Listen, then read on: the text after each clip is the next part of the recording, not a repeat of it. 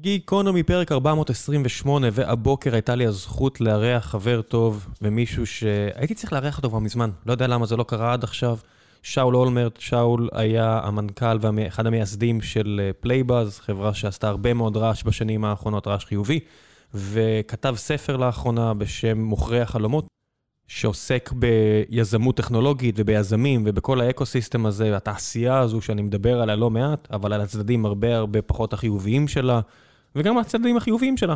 אז דיברנו בפתיחות על הנושא הזה, והזכרנו גם אה, נושאים פוליטיים, ומן הסתם הזכרנו גם את אה, אבא של שאולי, לא ברחנו גם מהעניין הזה, ניסינו לקיים את השיחה בצורה הכי כנה שהיינו יכולים להיות, לגבי שלל נושאים. היה לי כיף גדול לדבר איתו, תמיד כיף לי לשוחח איתו, מן הסתם גלשנו גם לספורט, כי שנינו חובבי ספורט ושלל סיפורים אה, כאלה ואחרים. בקיצור, כיף גדול. ולפני שנגיע לפרק המעניין הזה, אני רק רוצה לספר לכם על נותני החסות שלנו, והפעם זה פודקאסט אחר, פודקאסט בשם זה הזמן. אם אתם הורים לילדים בגילאי ההתבגרות, אתם בטח יודעים עד כמה נושא המיניות הוא חשוב ועד כמה קריטי לדבר איתם ולתמוך בהם בשלב הזה. פעם היה איזושהי מניעה ואני מניח שכמוני וכמו אחרים פחות אה, דיברו על הנושאים האלה, אבל לאחרונה סיפרתי לכם שאני וזוגתי בדיוק ראינו את הסדרה It's a Sin, סדרה נהדרת ב-yes שעוסקת בקהילת הלהט"בים בלונדון בשנות ה-80. ויש שם הרבה על, איידס ויופי יופי של סדרה, סוחטת את, ה, את הלב כמו שצריך, אבל היא גם מראה בצורה באמת מפעימה, עד כמה חשובה התמיכה של המשפחה, הכלה, ולא רק מן הסתם לבני נוער להט"בים, אלא בני נוער נקודה, והנושא הכל כך חשוב הזה של מיניות. אז הפודקאסט, זה הזמן, מנסה ליצור שינוי בשיח על מיניות, הוא נותן לכם, ההורים, כלים ללוות את המתבגרים שלכם בצעדים הראשונים שלהם בעולם המיניות. הפודקאסט מופק על ידי חברת דורקס ובשיתוף עם מידע מין על מין, המרכז הישראלי לחינוך מיני. בקיצור, זה הזמן, פודקאסט על מיניות שמכוון להורים, לנערים ונערות בגילי ההתבגרות, תמצאו את זה, יופי של דבר חשוב מאוד. ועכשיו, גיקונומי, מקווה שתהנו.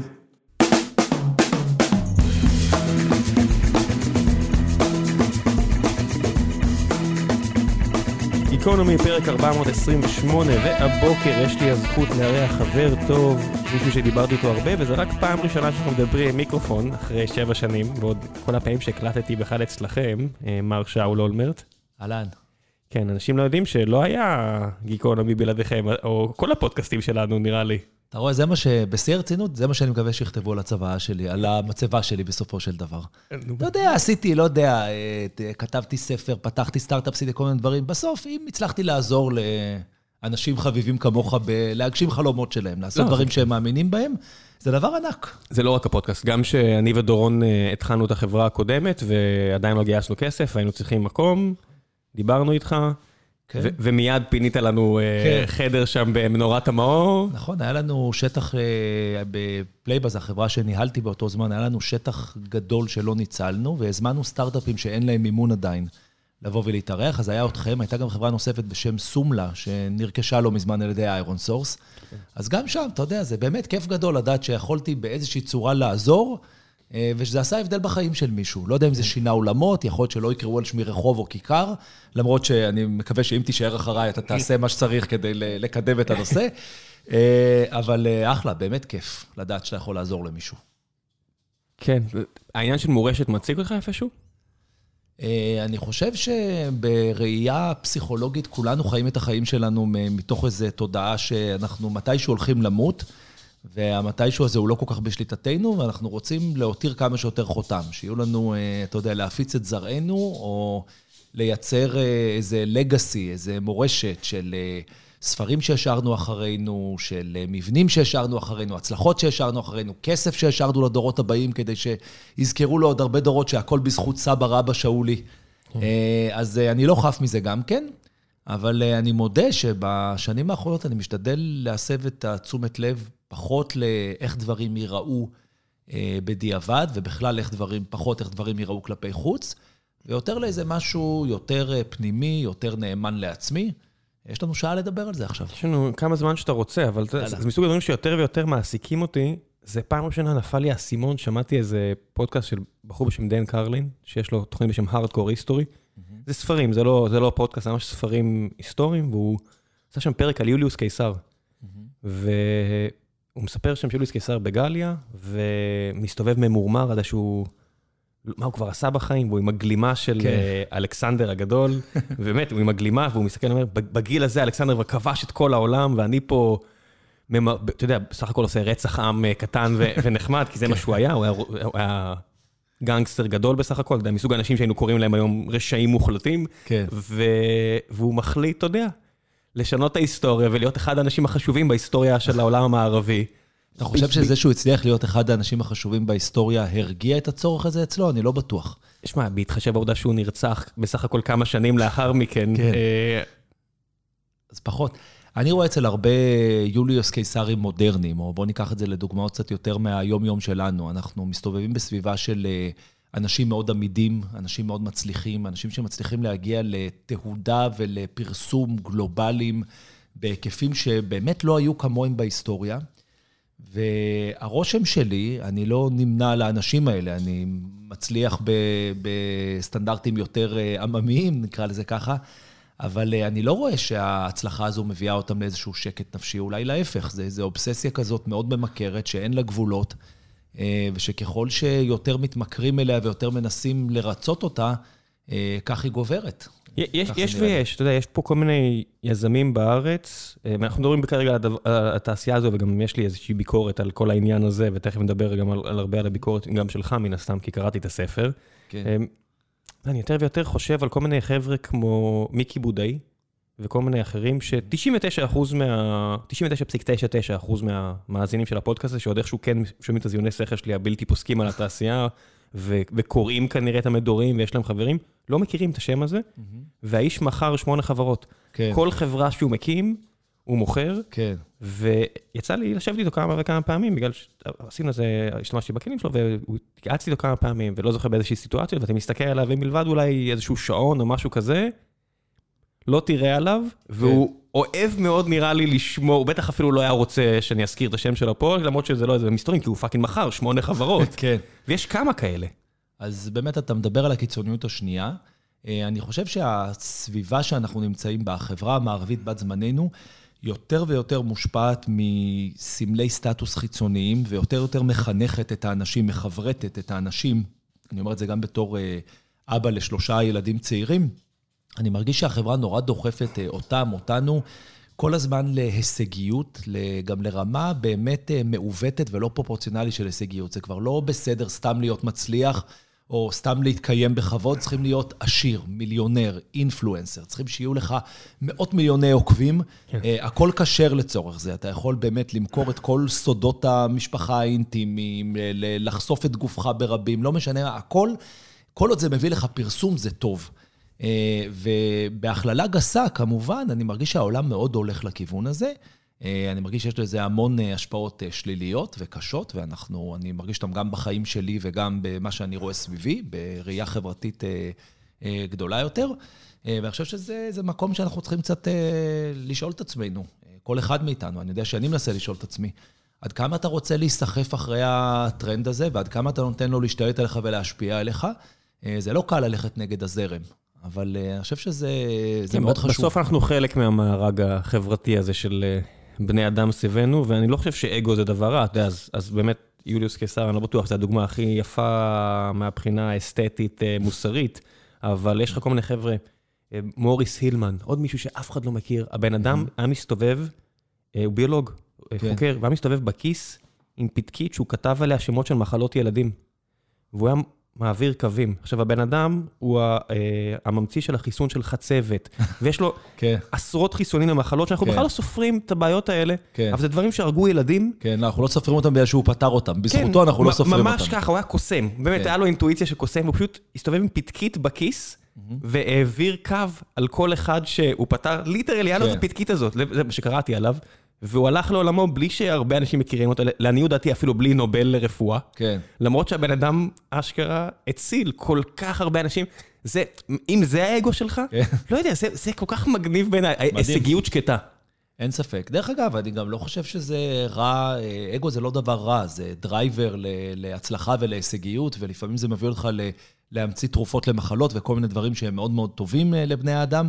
יש איזו דיספרופורציה. אני מרגיש שככל שעובר הזמן, אנשים לא רוצים, אתה יודע, הם לא מחפשים את המהות, רק את הסמל סטטוס החיצוני שכביכול מעיד עליה, והסמל סטטוס הזה כבר כל כך מאבד את ערכו.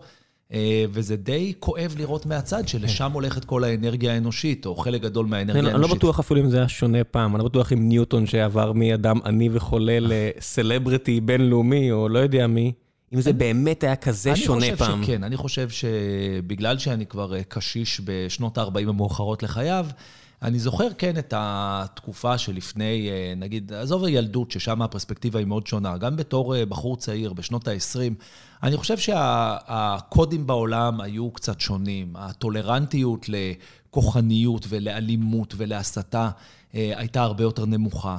הדבקות באיזה שהם סטנדרטים של מה שאנחנו קוראים ערכים חיוביים, לא יודע, של למשל לומר אמת. אני חושב שהציבור היום מקבל בשוויון נפש את זה שלמשל נבחרי הציבור שלו משקרים במצח נחושה, בצורה מניפולטיבית, לפעמים מתוך אינטרס אישי מאוד מובהק ומאוד בולט, והציבור חי עם זה, כי זה בסך הכל לא סטייה נורא גדולה ממה שהם רואים ביום-יום כל הזמן, והם מאמצים את הערך הזה שכדי להסתדר ולשרוד בעולם ולהצליח, צריך להיות קצת חרא. וזה בסדר, ואני חושב שזה לא בסדר, וחבל שאנחנו אה, מקבלים את הסטנדרטים האלה. אני בטוח שמה ש... דבר אחד שבטוח השתנה, זה הנראות. זאת אומרת, אם... אה, לא משתינים מהמקפצה עכשיו. זה לא שמשתינים מהמקפצה, כמו שכולם רואים אותך עושה את זה. כן. זאת אומרת, כשאתה נכנס לבריכה עם הילד, אתה יודע הרי שהיא מלאה בפיפי. כן. אבל אם אתה תראה עכשיו ילד משתין, תגיד לאבא שלו, תגיד, אחי, לא, למה אתה עושה את זה? אז כל מה שהוא צריך לעשות זה להיכנס למים, ואתה לא, וזה בסדר מבחינתך מוסרית, למרות שכולם עושים את זה. אז חפרתי פה הרבה על הביוגרפיה של בן גוריון, fucking אלף עמודים, פונט ארבע. כן. וזה, באמת, איזה בן אדם קשה וממורמר, איש קטן קטן שעשה דברים גדולים, ואתה יודע, הוא, הוא המציא את מוסד הנשיאות רק כדי לדחוף את חיים ויצמן, שהוא שנא אותו כל ברור. כך בתפקיד הכי מיותר בעולם, סטייל vice president אמריקאי, שזה היה שזה סוג של עונש כזה, או בטח מלא אנלוגיות שנמצא מעולם הספורט. נכון. ו... ועדיין, אף אחד, אתה יודע, גם אם הוא היה מושחת והוא היה קצת מושחת עם כל האבנסים וכל האלה, דאגו לטפח איזושהי רמה מוסרית, ואנשים אמרו, בוא תהיה כמו בן גוריון, תהיה איש טוב, תהיה... יש גם ערך לנראות, שאיבדנו את זה לגמרי. תראה איזה יופי שאתה רואה את שני הצדדים. זאת אומרת, אתה לא מסווג אותו כנבל או צדיק, כמו לא, ש... לא, בן אדם. אבל הדיאלוג היום, כשאנחנו מסתכלים, אה, אתה, אתה ואני חלק מציבור, חלק מחברה, חלק מקהילה, והדיון הוא תמיד, יכול להיות, אתה יודע, או רק ביבי או רק לא ביבי, נכון? זאת אומרת, או שאתה נבל, רשע, מושחת, אה, בן מוות, או שאתה צדיק, אה, שליח האל, ובאמת המושגים האלה שאני משתמש בהם, הם מושגים שקיימים בשיח הישראלי, בהקשר למשל של פוליטיקאים. הם הרוב המוחלט, אתה יודע, אני לא... אז יש פה איזה משהו, כשאתה מדבר על אה, בן גוריון, יכול להיות מישהו שהוא מצביא גדול, הוביל מהלכים היסטוריים רבי משמעות, ולצד זה היו לו גם חולשות אנושיות. אה, היו לו גם אה, מאהבות, כמו שלמדנו, הוא לא בהכרח היה בעל נאמן. אה, אשתו שלחה לו מכתבים שאני הולכת, היא רושמת לו, אני הולכת להתאבד, תפסיק לזיין מהצד, תפסיק בבקשה, והוא המשיך, אתה יודע. אנחנו רואים את המורכבות, ואנחנו כן. מגלים שאפשר להיות מורכב, זה בסדר, לא צריכים ל... ושוב, בשיח זה לא קיים, בשיח כולם מנסים להוכיח. כמה הם צדיקים, כמה השני רשע, וחבל, כן. אני חושב שהשיח הזה מאוד מרדד את היכולת שלנו להתקדם ולהגיע להישגים, אתה יודע, כחברה. זה בעיקר מרדד את השיח, אתה יודע, שאתה רק כל הזמן מחפש להוכיח את הבן אדם השני, כי זה צריך להיכנס ב-144 או 280 תווים, תודה רבה טוויטר, שהעמקתם את השיח העולמי בפי שתיים, בסדר, לא סדר גודל, אבל בקפיצה נחשונית, נכון. אה, שהעמקתם את השיח, אבל כשאתה מנסה, אתה יודע, לעשות אד הומינום הכי מהיר והכי קש שיש, תשמע, אני, לא, אני לא, לא נברח מזה, מי שמקשיב לך עכשיו, אתה יודע מה עובר לו בראש, נכון? ספר לי. נו. לא יודע. הוא רק חושב, כן, ומה עם אבא שלך? זה מסוג הדברים שאני לא אדבר עליהם, כי אני מכיר את אבא שלך ואני לא, לא הולך... אז בוא נשאל, ומה עם אבא שלי? תראה, לא, נו, אתה יודע מה אני מתכוון, נכון? שמע, אני חושב ככה, אתה מעלה סוגיה שיש לי הרבה, אפשר לעשות אה, אה, את כל ה... אנחנו פרק 428, אפשר לעשות עוד 428 פרקים אה, רק על הנושא הזה. אה, אני לא יודע, אני חושב שזה... יש משהו מאוד אה, שיפוטי. כשאתה אומר שמישהו אה, שומע אותי וישר שואל, רגע, ומה עם אבא שלו? הוא כאילו מחפש לחרוץ דין, להגיד אם אני צודק זה, זה בדיוק זה. או לא צודק. ואני אומר, עזוב, זה לא עניין של צודק או לא זה צודק. זה בדיוק זה. ואתה יודע, כן. גם אבא שלי הוא לא שליח האל כן. ולא נבל. וחבל שזה, חבל שהשיח הוא סביב זה, באמת, זה לא, זה לא עושה טוב לאף אחד. אני חושב שזה מאוד מגביל את היכולת שלנו לאפשר לאנשים להיות מי שהם וליהנות מהיתרונות שלהם. והיה לי איזה... היה לי תמיד איזה פנטזיה, ש... זה פנטזיה, זה, רצון כזה באמת, אה, זה היה מאוד היה משמח אותי כשהתחלתי את זה, להביא את בנימין נתניהו לשבת פה כן. ולשוחח כדי לתת אפילו את השעה וחצי שאנשים יקלטו שזה בן אדם אמיתי, כן. כי הוא מאוד מתאמץ שזה לא יקרה, כן. אתה יודע, הרעיונות שלו הם רעיונות של פוליטיקאי משופשף. לא רק שלו, אני חושב של כולם, אתה יודע, אני קורא נגיד, אה, דיברנו לפני הקלטה, על, אה, התחלתי לקרוא את הספר של ריד הסטינג, מנכ"ל נטפליקס, שמספר על... אה, על הקריירה שלו והכול. תראה, זה לא וידוי אישי של מישהו שמספר את אשר על ליבו, כי נורא מתחשק לו לפרוק ולהציג את עצמו. זה מלאכת מחשבת של יחסי ציבור. כן. עברו על זה עשרות יועצים קודם, זה הכל נועד לשדר איזשהו מסר, שיכול להיות שיש בו מידה לא מבוטלת של אותנטיות, אבל זה, זה לא משנה. כי זה הכל עניין של החלטה, ושל זה, איך זה דברים נראים כלפי חוץ. אני חושב שהוא כבר מכוות ככה, שבן הורוביץ כותב The hard כן. thing about, the hard, about doing כן, hard כן. things, כל הספר הזה. כן. זה שהוא משלב אה, ראפרים, כן. לבן אדם מהצד יגיד, אחי, מה אתה עושה? הוא יתפוס את זה כאותנטי ו- וחמוד, אני בטוח אפילו שהוא לא עושה את זה אפילו ברמה צינית, כי זה מה שהוא חושב שזה בסדר, אין לו כבר... נורא קשה ביקורת עצמית, כשאתה בסיטואציה מאוד מסוימת. אני חושב שעם רמה מסוימת של ביקורת עצמית, אתה פשוט לא תצליח להגיע כבר לאיפה ש... לצערי, כן? כן. יש גם עניין של, אה, אתה יודע, אפרופו מישהו שמספר את זיכרונותיו, הזיכרון הוא משהו מאוד אה, פתלתל וחמקמק.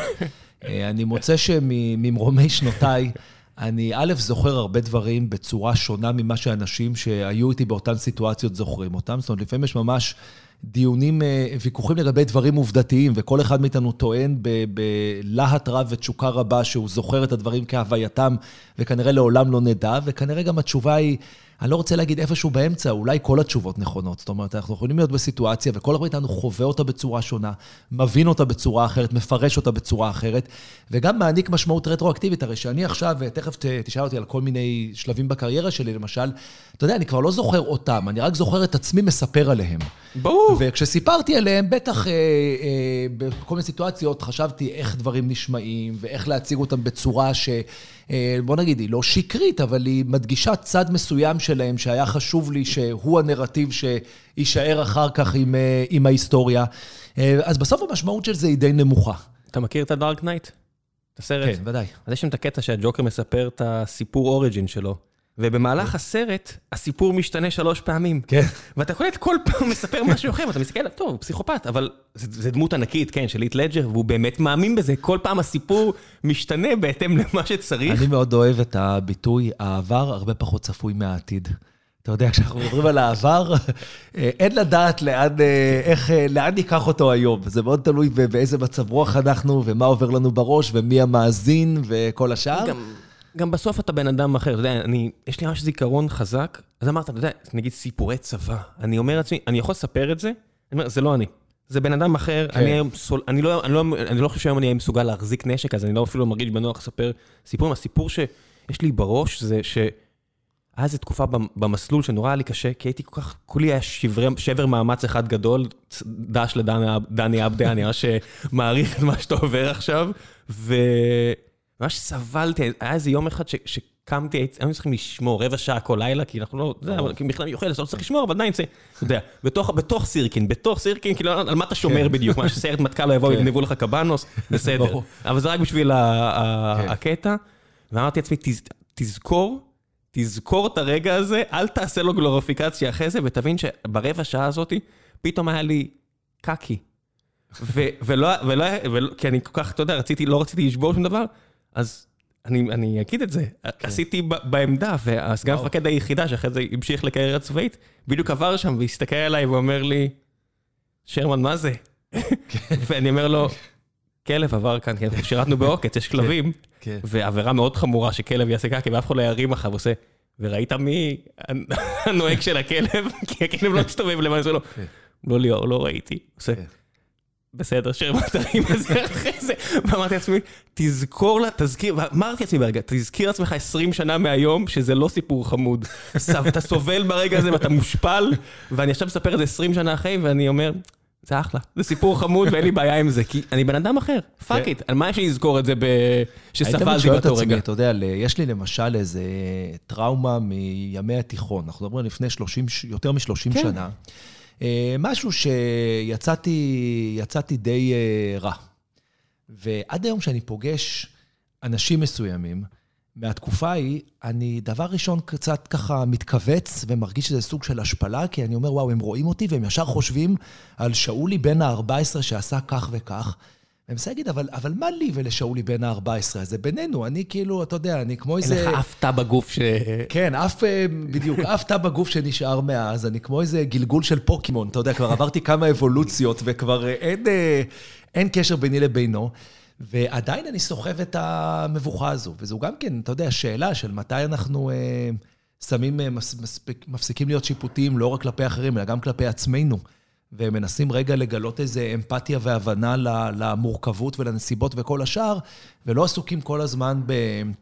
גם בלרדוף אחרי מטרות נורא נורא גדולות כדי להצדיק את קיומנו ולהשאיר מורשת, כמו שאתה קורא לזה, וגם לא שופטים את עצמנו בכלים כל כך מחמירים, אלא מבינים שאנחנו, מי שאנחנו, על יתרונותינו וחסרונותינו. כן. יש לזה גם, אבל יש לזה גם את החשיבות גם בכל, אתה יודע, לא, גם כשאתה כותב ספר על יזמות, ואתה לא עשית פה בשום צורה, להפך, גלוריפיקציה על יזמות, תכף נדבר על הספר, אבל מה שקורה בעשור, שניים האחרונים עם יזמי טק, כן. איבד... Uh, איבד כל פרופורציה, אתה יודע, שאתה רואה מישהי כמו אליזבת הולמס, עם.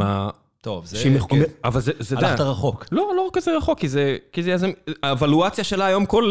כן, נכון. כל מאנדיי כן. וווקמי מסביב כבר באבלואציות האלה של נכון. המיליארד דולרים, והם לא מנסים להציל את העולם, היא אשכרה ניסתה להציל את העולם, אתה יודע, בסיפור שסיפרה. כן, שאלה אם ניסתה או שסיפרה כלפי חוץ, ובינתיים... היא הייתה מחופשת לסטיב ג'ובס, תבין, זו אישה שליטרלי שמעה, אתה יודע, הספר בד בלאד, אני מדבר עליו פה לאחרונה הרבה, זה ספר מדהים של עיתונאי טק, שאשכרה עשה עבודה מדהימה. פוליצר תנו כן. לבחור הזה, נראה לי שהוא צעיר, אה, והיא הייתה מחופשת לסטיב ג'ובס. ממש מילולית מחופשת לסטיב ג'ובס, וכולם זרמו עם זה. אף אחד לא, אתה יודע, ביידן, הנשיא הנוכחי, איתה בחדר ולא אומר, אחותי, את מחופשת לסטיב ג'ובס, את שמה לב? כן. את מחופשת לא, לבן אדם אחר. לא, לארי אליסון, מי השקיע שם? זאת אומרת, כל גדולי סיליקון וואלי נפלו לא, לא, בפח לא, שלה. לא, לא, לא, זה הקטע. דיברתי על זה עם מייקל אייזנברג. כן. אתה מסתכל על המשקיעים, כן. וזה רק קרלוס סלים, וזה רק כל מיני כאלה, והנרי קיסינג'ר... קראתי את הספר. אף, אף אחד מה... כן, החבר'ה שלא קשורים, אף קרן הון סיכון לא השקיע שם. זאת אומרת, יכול להיות כן. שלארי אליסון, כן. או כל מיני כאלה, שלא באמת משקיעים מקצוענים. משקיעים נכון. מקצוענים הריחו את הריח הרע כן. מקילומטר, ולא אמרו כלום. כן. אף אחד לא הרים את היד ואמר, I call bullshit על זה. תשמע, מה שאתה אומר על יזמי טק, אה, אני מאוד מסכים. בעצם... זה מצחיק, אה, זה מדובר ב... קודם כל, אנחנו מדברים עליהם בגוף שלישי, אבל אנחנו חלק מהאוכלוסייה הזו. אה, מדובר בסגמנט אוכלוסייה מאוד פריבילגי. בעצם אנחנו נמצאים היום במקום המאוד נחשק. הייתי, אני מרבה להגיד שהאימא היהודייה הסטריאוטיפית פעם רצתה שהבן שלה יהיה עורך דין ורופא, היום היא רוצה שהוא יהיה יזם הייטק, נכון? שהוא ילך ל-8200 ואחר כך יקים סטארט-אפ ויעשה אקזיט ויהיה עשיר. ואנחנו חיים את העולם הזה, ובאמת יש בעולם הזה המון דברים נורא נוצצים. זאת אומרת, אנחנו באמת מאוד פריבילגיים במובן הטוב של המילה, אנחנו זוכים לחוויות מטורפות, לתנאי מחיה שקשה להתחרות בהם. לחשיפה לדברים אה, גלובליים, לאנשים מעניין ענקיים. לי. עזוב, מרתק לנו. אפילו העובדה שמעניין נכון, לי, היא לא נכון. טריוויאלית בעיניי. ובכלל, שאתה יודע, 90% מאוכלוסיית העולם הם עדיין קורי פחם באנגולה, או דבר, אז אתה יודע, גם בפרופורציה, ל, ל, בפרספקטיבה קצת יותר רחבה, אנחנו באמת נורא נורא פריבילגיים. אבל uh, אתה ואני יודעים, ובואו נדבר על זה קצת יותר, שהסיטואציה הזאת היא גם סיטואציה מאוד מעוותת, עם המון uh, מחירים נפשיים קשים שה, שאנחנו משלמים כדי להיות חלק מהדימוי הזה וחלק מהסיפור, מהנרטיב הנוצץ הזה, שחברתית כנראה חשוב לנו, לנו וחשוב לחברה לשמר אותו. חשוב לחברה שיהיו לה סמלים, סמלי סטטוס והצלחה שאנשים יוכלו לשאוף אליהם, אבל המציאות היא הרבה יותר מורכבת. היא, היא, כן, אתה יודע, יש לנו יוסי ורדי, שאתה ואני אה, מכירים. אה, מכירים לקח... ומעריצים. כן, באמת אדם ש... אני תמיד אומר פה, הוא עשה הרבה יותר טוב ממה שאנשים מכירים. והנה הנה, הנה בן אדם ש... אתה יודע, היה לו חשוב לדחוף את השם שלו, אבל על הדברים ש... על הדברים האלה, על הדברים האחרים שהוא עשה, לא עניין אותו, להפך, הוא לא רצה שידעו שהוא עושה טוב, אז הנה אני אומר, go on the record עשה הרבה דברים טובים, עושה כן, הרבה דברים טובים. כן. והוא לקח אותי כמה פעמים אה, עם כמה מחברינו ל... זה הזיה, כילד בן 20 ומשהו, לדבר עם הפרלמנט היווני, לדבר עם כן. אה, חברי פרלמנט איטלקים, והם שואלים, למה אצלכם כן ואצלנו לא? כן. ואני אומר את זה תמיד, כן, זה בגלל הבן של יוסי, ובגלל כל מיני כאלה שהקים חברה, מכר אותה, והרבה יוקלים אחרים כמוני ראו כי טוב ועשו גם. כן. אתה יודע, אה, אנשים שמצליחים, יעל ארד לא, מקבל, מביאה מדליית uh, כסף, פתאום מלא ילדות הולכות לג'ודו. נכון. אם, אם יהיה פה יזמיות שיביאו בראש, עוד עשר, עוד עשרים, עוד, יהיה מלא ילדות שילכו ל... עכשיו השאלה, אני חושב שבהשאלה מה, מהאנלוגיות שאתה משתמש בהן, אני חושב שהיום אה, ילדים בגיל העשרה נגיד, המודלים שלהם זה יותר אה, דוגמנית שמצליחה להביא מיליוני עוקבים באינסטגרם. אה, מישהו שבזכות השנינות שלו והשליטה שלו במדיה חברתית, טס במטוסים פרטיים עם מיליארדרים לחופשות באיי סיישל. כן. אני חושב שאלה יותר המודלים. אנחנו במשרדים של חברה שמסייעת בדיוק לאנשים האלה, כן, לא בורח מזה. אז אני חושב ש... תכף נדבר גם על ממה אני בורח או לא, אבל אני חושב שאני רגע רוצה לשים את זה שם ולהגיד, אנחנו באמת מייצרים מודלים נורא נורא שטחיים, נורא מוחצנים, נורא תועלתניים, קפיטליסטיים וחומריים, ובסוף אלה האנשים שנקבל. במקום שהם ילכו לג'ודו, אם פעם הם כן. היו, אה, אתה יודע, בבת האמצעית שלי, אה, המודל לחיקוי שלה זה עדה יונת. היא מעריצה אותה, וזה אפילו פעם לקחנו אותה להרצאה שלה, והיא הלכה להצטלם איתה ולבקש חתימה, והייתה נורא נרגשת. אה, אבל אני חושב שזה נדיר, אני חושב שזה... זה, אנחנו צריכים לראות איך אנחנו שמים בפרונט את, ה, את סוג הערכים שאנחנו באמת היינו רוצים שהילדים שלנו ישאפו אליהם. ואז עולה השאלה, who's we? אני חושב שכולנו, אתה יודע, אני יכול להגיד שזה רק הפוליטיקאים אשמים, או רק אנשי התקשורת אשמים, או רק זה, אבל בסוף אה, הם הנציגים שלנו והשליחים שלנו. כן, בסוף אני ואתה פה שמדברים בתוכנית, פרק 428, ואני רואה גם את המאזינים, אתה יודע, זה בסך הכל בסוף האזינו לפרקים מאות אלפי אנשים במצרפי, שונים, אה, אולי האזינו רק לפרק אחד, אבל האזינו. בסוף זה, אתה יודע, אנחנו נותנים, או אני נותן במה, ואתה היית חלק מהרבה מאוד דברים שאנחנו כן עושים את זה. וגם סטרים אלמנט שאתה מושקע בה, נכון. אה, בסוף אני כן, אני עוזר לכל מיני חבר'ה שציינת, אני לא שופט אף אחד, אה, שעושים, אתה יודע, יכולה לשבת מישהי בביקיני בהאטאב, כן, זה, זה, זה קטע עכשיו mm-hmm. בטוויץ', mm-hmm. קטע מטורף, אבל כן. זה קטע, אה, כן. משלל סיבות זה קטע מטורף, ומצד שני, יכולים להיות ערוצים ביוטיוב, שמלמדים מתמטיקה או פיזיקה כל כך כן. הרבה יותר טוב מאשר שאני למדתי באוניברסיטה, ואני אומר לך, אני עכשיו מגיע ליוטיוב, זה היה פעם פלטפורמה שדי בזתי לה. כי אמרתי, זה רק שטויות, רק כן. חתולים. כן. והיום זה צורת התוכן העיקרית שלי. זאת אומרת, אני היום מוצא ביוטיוב מלא תכנים כן. מטורפים, אתה יודע, Royal Institute of England, שפעם זה היה באמת רק ניוטון, ומי שהיה מספיק עשיר כדי לקבל הזמנה ולשבת שם, לראות את פרדיי וכל החבר'ה האלה. היום זה בחינם ביוטיוב. הכל, אתה יכול, אתה ללכת לשם. קורסים שלמים מ-MIT ואוניברסיטאות רבות לא, בעולם שנמצאים לא ביוטיוב חינם. לא רק זה, לא רק הדברים הכבדים, זה גם entertaining, אתה יודע. כן, השראה, מה, אפשר לראות כן. את כל יצירות הקולנוע הגדולה. אני בתור אה, ילד הייתי אה, ממש ככה בענייני קולנוע, הייתי עכבר סינמטקים, והייתי מפעיל אה, אנשים מכל העולם שהייתי מוצא טלפונים שלהם כדי לשלוח לי עותקים של סרטים של פליני שאי אפשר היה להשיג בארץ בווידאו. היום בוא, לחיצה אחת ביוטיוב ואתה רואה את זה ב-HD לפניך. תשמע, יש לנו חבר משותף, שהוא יותר חבר שלך משלי, אבל יש לי את הזכות גם להכיר אותו קצת, שהיום מגיע אליכם הביתה, ואבא שלך היה עוזר לו עם אה, קלטות ממכללות. כן, נכון. זה אחד הסיפורים הכי יפים ששמעתי על אבא שלך, אני מודה. אז ספר.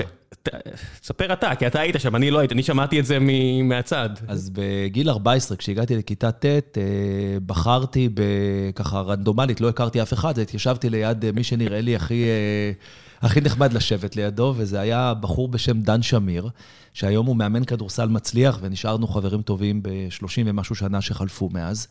באמת בתקופה הזאת הוא כבר התחיל להתעניין בכדורסל בצורה מדעית, סטטיסטית, אנליטית, בצורה הרבה יותר אה, אה, רצינית או מקצועית ממה שהיה מקובל בארץ באותם שנים.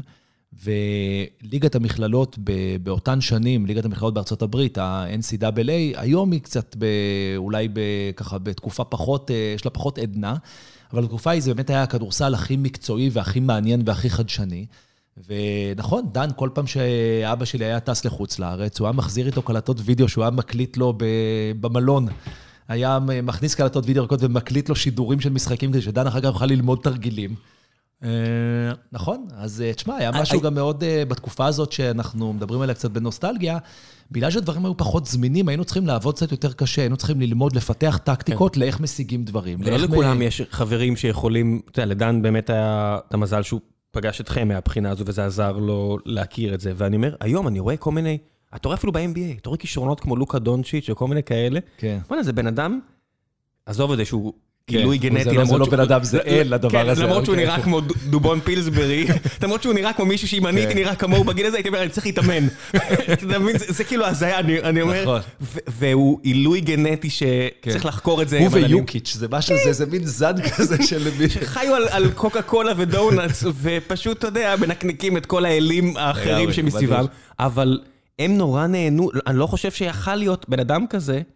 אחורה, היום שאתה נמצא ב... תקשיב, הנה, אני, אגיד לך, אחד העובדים הראשונים שלנו, וזה בן אדם שאני אני מת עליו. כי הוא הגיע לפה ממק, הוא, ממקדוניה, צפון מקדוניה, כי יוון לא מרשה להם להיקרא מקדוניה. ובאמת ממקום שכוח אל, שהפרסום הכי גדול עליו, זה שהכפר ליד עזר ל fake news של רוסיה בבחירות של הילרי וטראמפ. Literally זה הסיפור, כן? זה כן. התעשייה שם. כן. ושכרנו אותו בתחילת הדרך בסטרים אלמנטס, כי מה לעשות, שאתה מקים חברה, אתה לא יכול לשכור את האנשים הכי טובים שיש, אתה יכול לשכור את האנשים הכי טובים כרגע. חידון לעשות. שמוכנים לעבוד אצלך כרגע. בדיוק, כן. והוא עדיין איתנו, והוא התפתח והתפתח והתפתח, ואנחנו רק מקדמים אותו, והוא רק מתקדם בעצמו, ולקח את ההזדמנות הזאת, וזה fucking צפון מקדוניה. עכשיו יש לי שאלה אליך, ראם. אני בהקשר מת על לזה, זה. ובהקשר לשיחה, לתחילת השיחה שלנו. כשאנחנו, בסוף, כשאנחנו מקימים מיזמי הייטק, השאלה אם אנחנו מצליחים או לא מצליחים נמדדת בסופו של דבר במדד האכזרי שנקרא ערך לבעלי המניות, נכון? כמה כסף הושקע בחברה, וכמה כסף אותם משקיעים קיבלו בחזרה, כמה כסף העובדים והיזמים הרוויחו. על פניו ככה זה נמדד, ולכן אפשר להגיד שנגיד אה, ג'ף בזוס הצליח לו לא רע עם הסטארט-אפ שלו, נכון? כי הוא גדל לממדים... מהרבה אה, בחינות, כן, זה לא רק לממדים מה- לא רעים, נכון? אה, ולעומת זאת, חברה שנגיד אה, נסגרה, הגיעה לפשיטת רגל לאחר כמה שנים ובזבזה למשקיעים שלה כסף, נכשלה. אז טוב, בוא ניקח דוגמה יותר קיצונית, כי בזוס באמת שינה את העולם. קח דוגמה כמו חברה כמו פיינל, שחברות algo trading בארץ, שיותר רווחיות מאשר אלף סטארט-אפים, כמו שאני מנסה להרים. נכון. אלף. כן. באמת, רווחית בצורה מטורפת. כן. הרוויחה מאות מיליוני דולרים, סכום שכל סטארט-אפ פה שמנפיק לפי מיליארדים, כן, היה ברור. מוריד אצבעות בסיטונאות כדי לה- להגיע, והתרומה האמיתית שלהם לעולם היא אפס. הם יכולים להגיד, "נז- הוספנו נזילות והכל, אה, ואחד נכון. מהם, אחד מהם אה, שמע אותי אומר את זה, וקצת אה, כנראה נפגע, רשם לי בלינקדאין, ואמרתי לו, בוא, תגיע, תסביר לי איפה אני טועה, וההזמנה עדיין פתוחה. כן. ואני באמת מתכוון לזה, אבל מבחינתי אני אומר, אפס ערך לעולם. ועכשיו אתה אומר, מעולה. אז אני אומר, בוא רגע נשתכל, אני למשל, אה, כמו שחשפת, השקעתי כסף בסטרים אלמנטס, והשקעתי אותו מתוך אה, אה, תקווה שיום אחד הוא יוחזר אליי, אולי אפילו בריבית. כן. מצד שני, בוא נגיד שחלילה זה לא יקרה, מסיבה זו או אני אחרת. אני ממש אהיה עצוב אם זה יקרה. אני גם- אהיה עצוב אם זה לא יקרה, בוא נגיד. שזה לא יקרה. עדיין, אה, הנה אתה מספר לי על אה, מישהו מאיפה אמרת? דארקו מונטנגרו?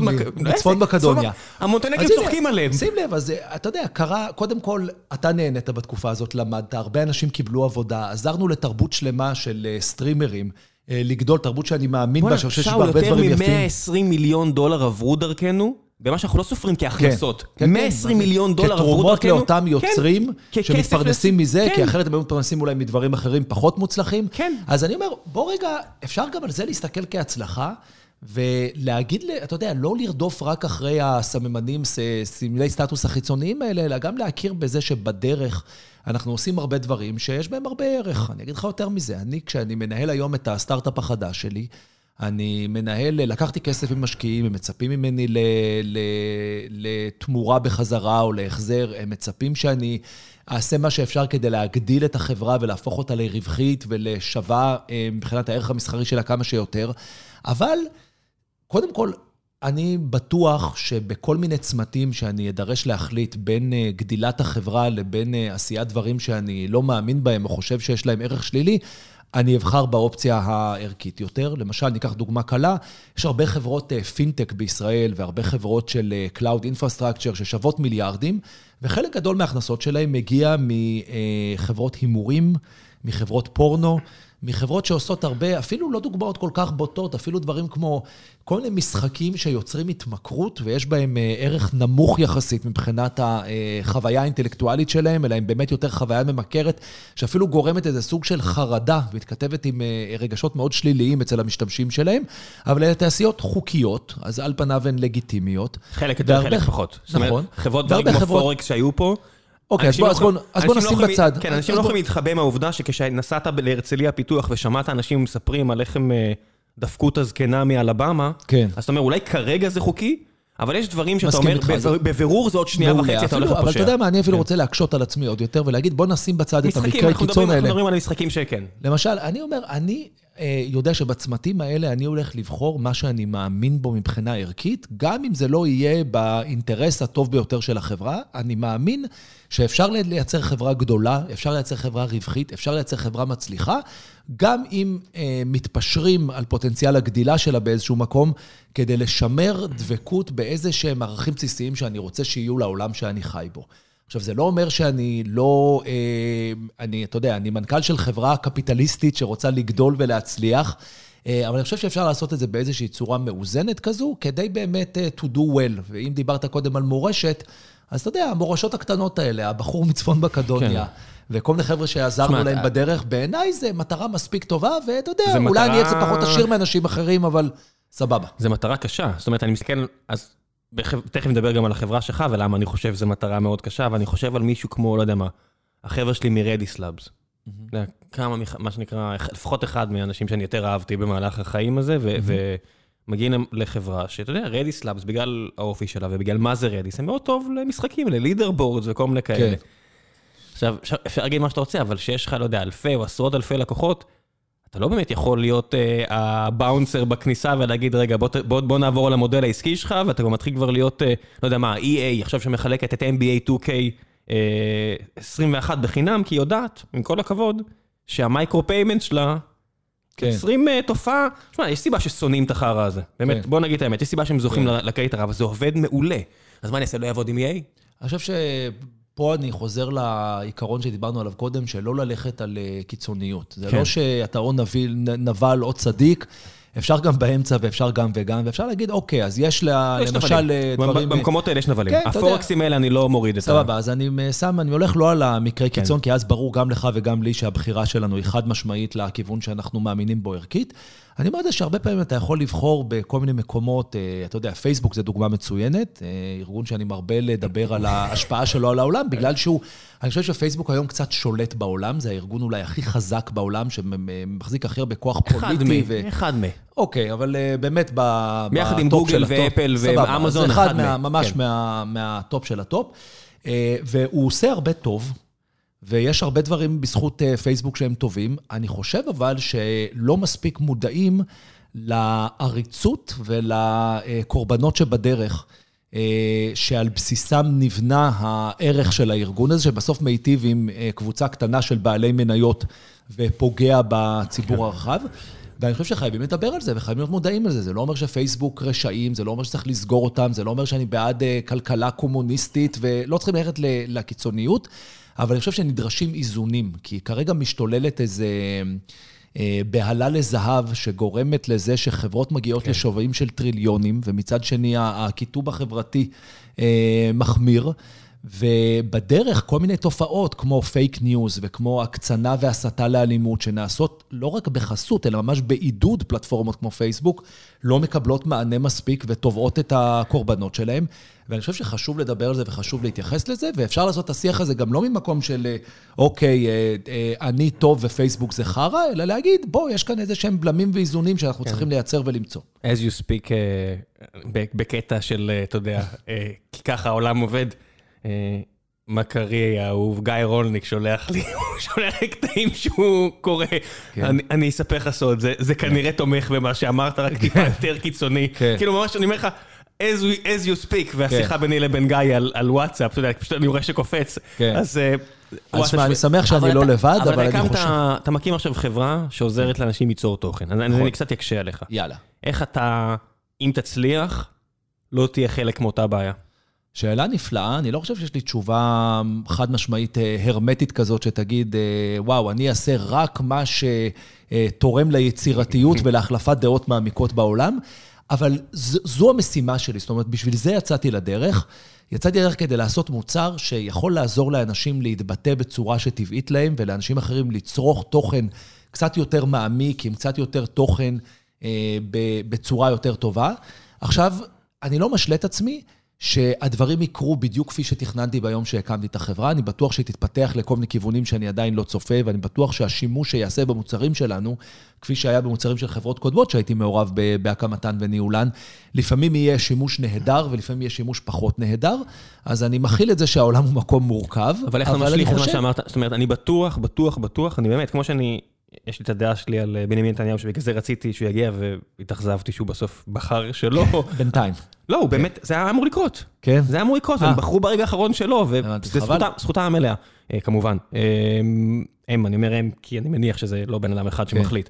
אה, אבל גם מרק צוקרברג וחבריו, שאומרים, חלק מהם going on the record, אחרי שהם בין אנשים מאוד מאוד מאוד מאוד מאוד עשירים, כן, אתה יודע, כל מיני אה, צ'מאט וכל מיני כאלה, כן. שזה לא מה שפיללנו אליו, זה לא מה שרצינו. נכון. אומר, אבל גם אתה, כשאתה עושה חברה כן. כזאת, זאת אומרת, בסוף, ברגע שאתה נותן לאנשים יכולת להתבטא, חלק מהם אה, ישבו בהאטאב וישחקו בפורפיק שלהם, וחלק כן. יעשו תכנים אה, על זה. מה, מסכים איתך. זה בני אדם. אני חושב שמה שאני יכול להגיד זה שאני חושב שבצמתים שבהם אני אדרש- לקבל החלטה, ויהיה כאן איזושהי פשרה אפשרית על הערכים שאנחנו מדברים עליהם לטובת העושר האישי שלי, או הערך המניות של החברה שלי, אני יודע שאני אה, אתן לבחור בקבוצה הראשונה.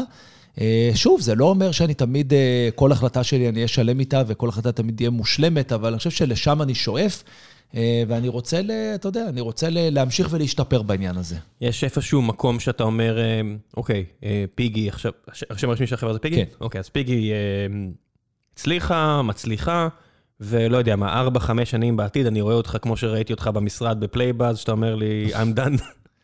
אה, חד משמעית. על, על דבר כזה, על הנושא הזה, שאתה מסתכל, אתה אומר, אוקיי, הרכבת הזאת כבר לא יכולה להגיע לאיפה שאני, לאיפה שאני רוצה שהיא תגיע. אני מאוד מקווה שאני לא אגיע למצב שבו אני אגלה שגידלתי מפלצת, אבל אני מודע לזה שאני מגדל, אתה יודע, בדיוק כמו שכשאני מגדל ילדים, הם לא יוצאים בדיוק בלופרינט של איך שהייתי מצייר אותם, ב... הם יוצאים הרבה יותר אה, מקסימים מזה, אבל הם יוצאים שונה, ואתה צריך להתרגל לזה שהם לא בדיוק מה שתכננת, ולא בדיוק מה שחלמת ומה שפינטזת, והם לא בדיוק נותנים מענה לכל ההשלכות והצרכים שלי, שלא מומשו ואני שואף אה, להגשים דרכם, אז אני בטוח שגם החברה שאני אקים, לא תהיה 100% יציר כפיי בדיוק כמו שרציתי, גם כי היא לא רק יציר כפיי, היא יציר כפיים של הרבה אנשים שמעורבים בניהול ובהקמה ובעבודה בה, אה, אבל אני מקווה, אני סומך על עצמי שהמצפון המוסרי שלי יהיה כזה, שיכוון אותה למקומות כמה שיותר נכונים. אני מקווה לא להגיע למצב שבו אני מרגיש שאני צריך לעזוב אותה בגלל שאני מרגיש שנכשלתי בזה, אם אה, זה מה שאתה שואל. אני חושב שזה כמעט טבעי, בסוף, כמה כבר ברקשר האטווי יש, כמה כבר חברות יש, שמי שעומד בראשן נמצא כן. בהלימה עם הצרכים והכול לאורך הרבה מאוד שנים. זאת אומרת, כן. אתה יודע, אני מסתכל אפילו על החברות הכי גדולות, גם בזוס, אפילו בזוס נגמר לו הדלק ופינה עכשיו כן. את, את, הדל, את הדרך, בטח ביל גייטס. אתה יודע, זה, אני אומר, זה, זה נראה לי רק טבעי, מי יכול להיות, אתה יודע, כל התאים בגוף שלך כבר התחלפו. המציאות השתנתה סביבך, זה כבר לא אתה. ובסטארט-אפים זה קורה יחסית מהר, הרבה יותר מהר מאשר... אה, אני כנראה לא אגיע לא לעמדה של ביל גייטס ולא לעמדה של בזוס, לא מבחינת העושר האישי ולא מבחינת ה- אני אקח את ההימור הזה בהחלט, כן, כן. ההשפעה של אה, מוטת הכנפיים שלי על העולם, אבל אה, אתה יודע, שוב, גם דיברנו קצת על הצלחה קודם, על הצלחה ועל כישלון. אז אה, אני מקווה, אתה יודע, אני מקווה להמשיך להצליח, אבל אני מקווה להמשיך להצליח במקום שבו אני מרגיש שאני עושה משהו שהוא חיובי בעיניי, ובוודאי להיזהר מזה שההצלחה האישית שלי תהיה על חשבונם של אחרים שאין להם אה, פנים ושמות, כשאתה מסתכל על זה, אתה יודע, אתה קורא להם יוזרים, והם איזו קבוצה נורא כללית של אנשים, אבל בסוף זה בני אדם. ואני חושב שהרבה מוצרים בתחום שלנו, בתחום הטק היום, אה, גורמים נזק לאנשים, אה, וחבל. אני חושב שזה זה דבר מאוד אה, בעייתי, ומאוד בעייתי שבשיח אנחנו כולנו רק מהללים אותם על זה שהם אה, יצרו יוניקורן. ושווים אה, המון כסף, ומתעניינים בלקרוא במדורי הרכילות על אה, כמה הם שילמו על פנטהאוז אה, מול הים ב... לא וואו, יודע. זה- זה- זה ז'אנר חדש שאני? ממש ממש כן. לא מחבב. נכון? במקום להגיד, רגע, לא, אנחנו לא, לא מקבלים את העשייה הזאת ואת ההתעשרות הזאת שבאה על חשבון פגיעה ב- בכל אחד מאיתנו. לא יודע, פגיעה, יש טוב ורע. זאת אומרת, אתה אומר, בא על חשבון פגיעה של כל אחד מאיתנו, זה כבר נהיה... גלשת ל- לרע. כן. כשאתה יצאת מפלייבאז, כבר התחלת לעב- לעבוד על הספר? כן, התחלתי לכתוב את הספר תוך כדי שהייתי בפלייבאז, למעשה כזה בשיא ההצלחה של פלייבאז, כי התחלתי להרגיש את הריקנות הזו, את באמת? הדיסוננס כי הזה. הספר הרי מאוד אה, קורונה, מאוד, אה, גם הסוף שלו, גם... בסוף, אבל אה, כשהתחיל התהליך, זה קרה, מ, זה קרה באיזה יום, סיפרתי על זה בריאיון בעיתון, שהזמינו אותי להצטלם לשער של מגזין בגרמניה, בתור uh, גיבור על, בתור, הלבישו אותי בתלבושת של ספיידרמן, ולקחו אותי להצטלם במנהטן שאני קופץ מגגות ומטפס על גדרות, ודיברו על, ותוך כדי זה ראיינו אותי על איך זה שאני גיבור על שהקים מאפס חברה, והיא נורא מצליחה, והיא גדלה וכל השאר. והיה משהו, מצד אחד זה היה איזה רגע של התגשמות חלום כזה, נכון? אנחנו חולמים שיראיינו אותנו לעיתון ויצלמו אותנו שערים של כזה, ויתייחסו אלינו כמו לגיבורי על. ומצד שני זה הרגיש כל כך לא אמיתי, אתה יודע, וכל כך uh, רדוד, וכל כך uh, ריקני, שהרגשתי נורא נורא בודד, אני חושב. וחזרתי משם והתחלתי ל... התחלתי לכתוב מתוך איזו הרגשה כזאת של אני חייב להסביר לאנשים את הסיטואציה ההזויה שאני נמצא בה. אה, ואז באו, החברה המשיכה לטפס לכל מיני גבהים, ואחר כך צנחה לכל מיני תהומות, ושוב חזרה, והיום היא חברה רווחית וגדלה ומצליחה. ואני נשארתי שם עם, ה, עם הרגשות האלה, והם... אה, הדבר החיובי מבחינת החיים האישיים שלי, זה שזה באמת ככה עורר אצלי את חיידק הכתיבה, וזה דבר נהדר שאני ממש מאושר בזכותו. אה, וגם הוביל לזה שבאמת כתבתי ספר, שאתה יודע, הוא לא, הוא לא ספר על הייטק, במובן, זאת אומרת, הגיבור שלו הוא יזם של חברת הייטק, והוא מלווה את שלבי הקמת החברה, ומדבר הרבה על התעשייה ועל הרבה מהנושאים שהעלינו כאן בשיח הזה.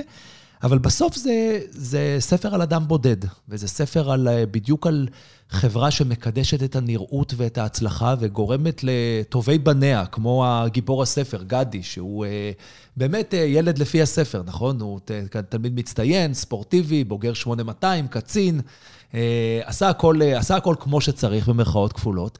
והקים חברת הייטק, והחברה מצליחה ומתחילה לשגשג, והוא הופך למין סלבריטי וכוכב תקשורת, ונמצא בדיוק בעמדה שכולם חולמים להיות בה. והוא קולט כמה זה מעוות, וכמה זה לא אמיתי, וכמה כדי להיות בעמדה הזאת, הוא צריך קצת להשאיר את עצמו מאחור. והקונפליקט הזה זה בפירוש קונפליקט שגם אני אה, נקרעתי אה, ממנו בתקופה ההיא.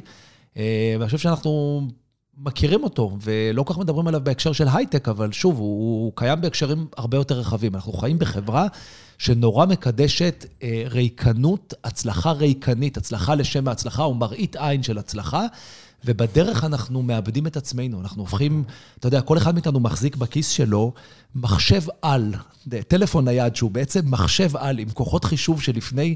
כשאנחנו היינו כן. ילדים, לא, אתה יודע, מחשב כן. בגודל של חדר לא היה יכול להחזיק את הדבר הזה, וכל המידע בעולם נגיש אלינו, ובזכות זה אנחנו שומרים על קשר עם uh, חבר'ה מהתיכון או מהיסודי, שזה נורא נחמד, אני אומר בלי ציניות, זה נורא נחמד, אבל המכשיר הזה והתרבות הזו רק עושים אותנו עצובים יותר. בודדים יותר. לא רק, רק מעלים גם. את, אה, בעיקר, מעלים את שכיחותם של, אה, בוא נאמר, מערכות יחסים ומבנה המשפחה המסורתי מאוד מתפרקים לנו. אה, האחוזים של דיכאון ומחלות נפש עולים. אנחנו חיים בחברה מאוד אה, פצועה, כשכל זה בחסות ההבטחה המאוד אה, ריקה מתוכן, שכאילו הקדמה והטכנולוגיה והגלובליזציה הופכים אותנו לאנשים שמחים יותר, מאושרים יותר, עם יותר אפשרויות. כן, לא יודע, זה... יש... יש איזה, אתה יודע מי זה קן קיזי? כן. אוקיי, אז יש איזה סרט בשם אוטובוס הקסמים, על... מסע מאוטובוס מהמערב למזרח בארצות הברית, וגרייטפול דד שם, וכל מיני כאלה, וכן קיזי, והם, ומעלים בשלב מסוים לאוטובוס את uh, ג'ק ארוואק, שכתב את בדרכים, שהוא כזה גיבור, זה שהתחיל את תרבות הביט ואת כל הדברים האלה, רק שזה כבר עשור, 15 שנה קדימה, מבחינת ג'ק קרואק שעשה בשנות ה-50 וזה שנות ה-60, והוא כבר די שבור. כן. והוא כבר לא מישהו, כבר אין לו כוח לשטויות האלה. ו- ואז בסוף זה גם מסתיים עם אה, קן קיזי בעצמו, שאומר, האנושות זה fucking אוטובוס פרוע, והוא לא מחכה לאף אחד. כן. כל ההיסטוריה מתקדמת והיא כן. לא משאירה אף אחד. היא לא עוצרת לאף אחד לשנייה אחת. וזה ככה, לא יודע, אתה יודע, גם, כן. כשהמציאו את הדפוס, אז אנחנו היום נהנים מהפירות, אבל כשזה רק התחיל, אירופה הייתה שסועה במלחמות בגלל שהתחילה הפרוטסטנטים ומרטין לותר השתמש בדפוס כדי להפיץ את הרעיונות שלו וזה גרם למלא בעיות ומלא... כן. אז אנחנו חושבים בפייק ניוז וכל מיני דברים כאלה, אבל בסוף רעיונות זה fucking רעיון מסוכן.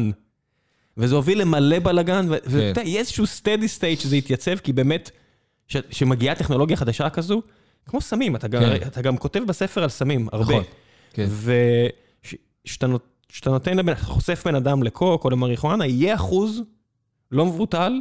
שייפגע מזה. שישתגע. כן. יהיה אחוז לא מבוטל ש... שלא- שיהיה טוני מונטנה, אתה אומר דבר- ולא יהיה בן אדם שפוי ורגיל. אז אתה אומר דבר מאוד נכון, קודם כל אני נורא מאמין בביטוי הזה ש- things get worse before they get better. זאת אומרת שיש disruption, שיש שינוי, שיש איזשהו, איזושהי חדשנות, משהו חדש, קודם כל זה מזעזע את אמות הסיפים והכל קצת אה, רועד ומתפרק, ואז מתחילים לעשות סדר. אבל אה, סבבה, אז בעצם אני יוצא כאן בקריאה אליך ואל מאזיננו, אני אומר, בואו נעשה סדר. זאת אומרת, בואו נראה מה קורה סביבנו, נבין שלטכנולוגיות ול... אה, לגלובליזציה ולכל השאר יכולות להיות השפעות מאוד חיוביות, אבל גם מאוד שליליות, והתפקיד שלנו זה לשים סייגים. ולהבין איפה אנחנו לא מתמכרים לדברים, לא נותנים להם להשתלט עלינו בצורה שמעוותת את uh, התפיסות שלנו ואת שיקול הדעת שלנו, והופכת אותנו לאנשים מודעים. ואז אולי תבוא הסינתזה הזו שאתה מדבר עליה. לא יודע אם סינתזה, אני לא- אני לא מדבר על שום איזה מצב אופורי כזה, אתה יודע, זה... אם יש כן. דבר אחד שאני אוהב... אז תראה, אני דווקא כן. רומנטיקן, אני אוהב לחשוב לא במונחים אתה- פונקציונליים. אתה בן אדם הרבה יותר אה, כן, רומנטיקן ממני. אה, כן, אני באמת מאמין שאפשר לעשות דברים יותר טובים. אני גם לא חושב שצריך ל... אני לא מרים כאן איזה אה, דגל של מהפכה. אני רק אומר שאני חושב שאנחנו צריכים להיות מודעים לזה שקורים סביבנו דברים שהם אה, לא טובים לנו, אה, ושנפגעות אה, מסגרות מאוד חשובות לתרבות כפי שאנחנו מכירים אותה. וצריך ככה to handle with care, אתה יודע. כן, אף אחד לא יכול לשלוט במפלצת הזאת, אתה יודע, יש- תכף יוצא דיון.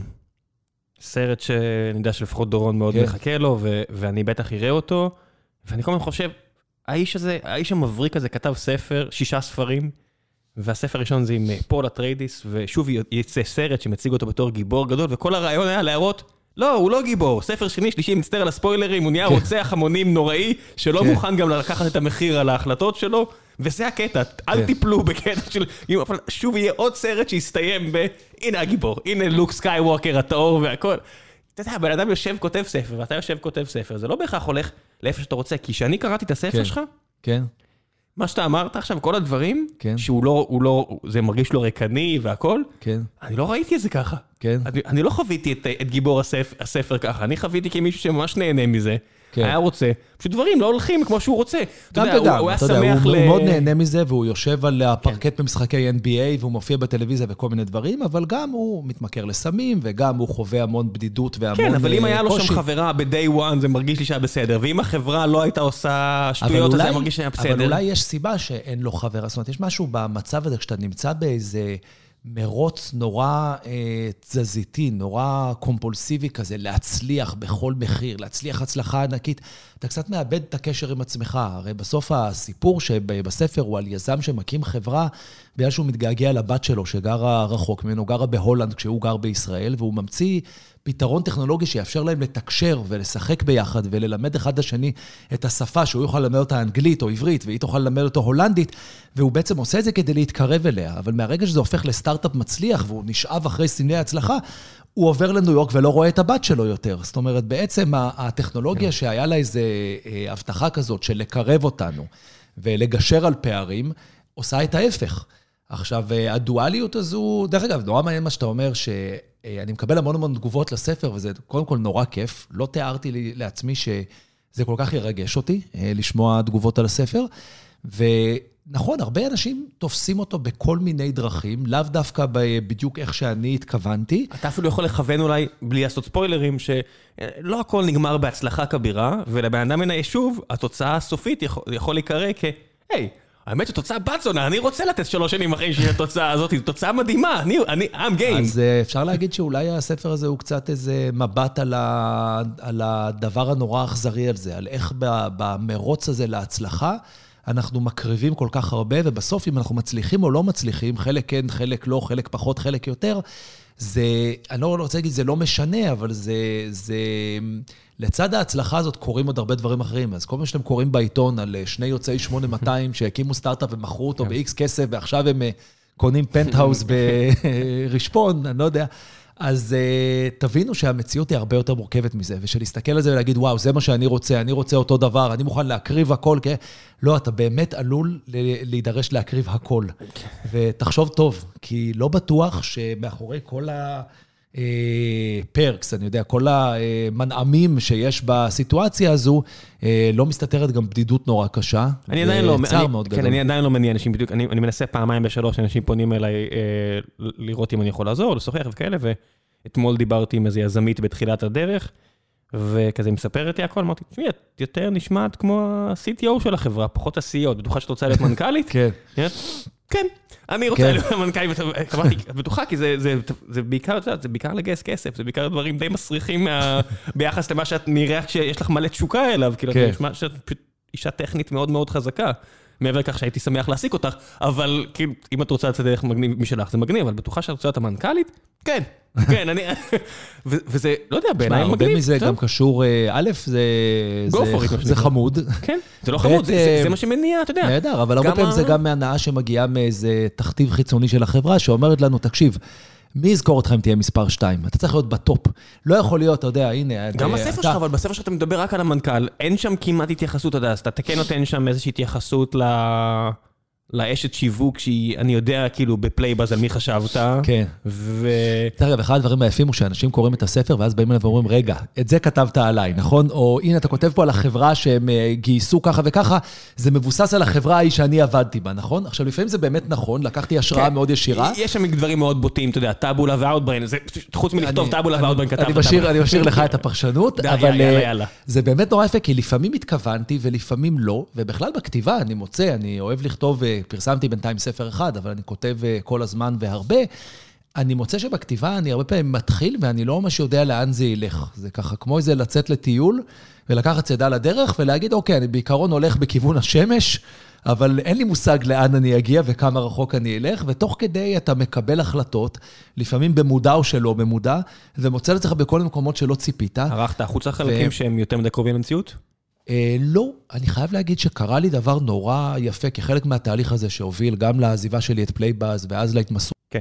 ואז להתמסרות לכתיבה, איזשהו תהליך שבו החלטתי שנמאס לי לחשוב על איך דברים נראים כלפי חוץ ועל מה חושבים עליי, ועשיתי משהו שהוא נורא נורא אמיתי. ואחרי זה הגעתי למסקנה שאני רוצה לפרסם את הספר, אבל כשכתבתי אותו לא חשבתי על פרסום, חשבתי רק על הכתיבה עצמה. מה חשבת, שכותב ולא למגירה? היססתי. כן, האמת שאני כותב למגירה הרבה? שנים. מה אתה... אז אני כותב למגירה הרבה שנים, וכנראה שהמגירה עלתה על גדותיה, וקרה איזה משהו שאולי, אתה יודע מה, אולי היה לי צורך באיזשהו מקום לצאת החוצה לעולם עם איזה משהו מאוד אישי, ולהגיד, נמאס לי לנסות להיות חלק מאיזה אה, רצון לשדר סיפור הצלחה או דימוי של הצלחה.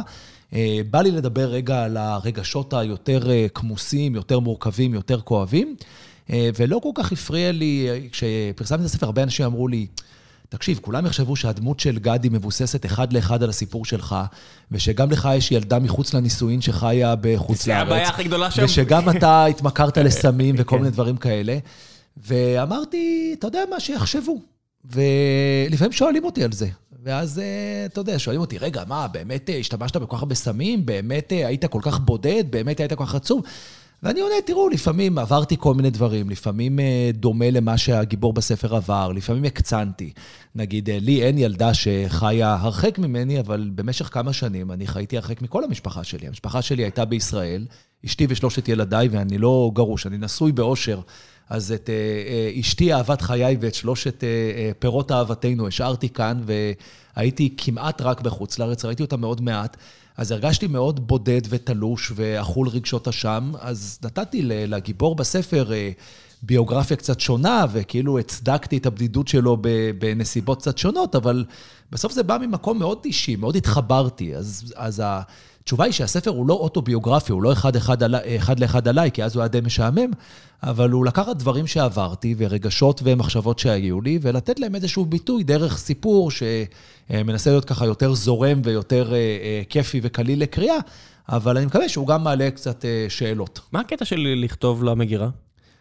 אה, לכל אחד יש תחביב, שמע, אה, יש אנשים שמנגנים. יש הרבה יותר אנשים שמנגנים מאשר כאלה שמופיעים ומקליטים, ואנחנו מכירים את השירים שלהם. אחלה, אחלה דוגמה. אה, יש כאלה שמבשלים, אתה יודע, כל אחד והיצירתיות שלו. אצלי זה הלך לכיוונים של כתיבה. אה, משם הגעתי, אתה יודע, לאיך התגלגלתי להייטק, אני לא בטוח, אבל במקור הגעתי מתחום הקריאייטיב, למדתי קולנוע, גם בתיכון וגם בצבא עשיתי סרטים, וגם אחר כך אה, אה, למדתי תואר ראשון בשילוב כזה של מחשבים וקולנוע. ומאוד הייתי, נטיתי לכיוון היצירתי, ועם השנים ככה אה, התגלגלתי ללהיות איש עסקים. אה, גם שם, אני חושב שגם בחברות שהקמתי, הן חברות נורא יצירתיות, והן בסוף פלטפורמות ליצירה עבור אנשים אחרים. אז גם שם היה המרכיב הקריאיטיבי, אבל זה נכון שכמו שאמרת קודם על תפקיד המנכ"ל, התעסקתי בעיקר בגיוס הון ובניהול אה, כוח עבודה ותהליכים, אה, תהליכי, תהליכים תאגידיים. אז ככה קצת שמתי את ה... ניהול משקיעים, ניהול משקיעים. ניהול משקיעים. קצת שמתי. את האספירציות האלה בצד.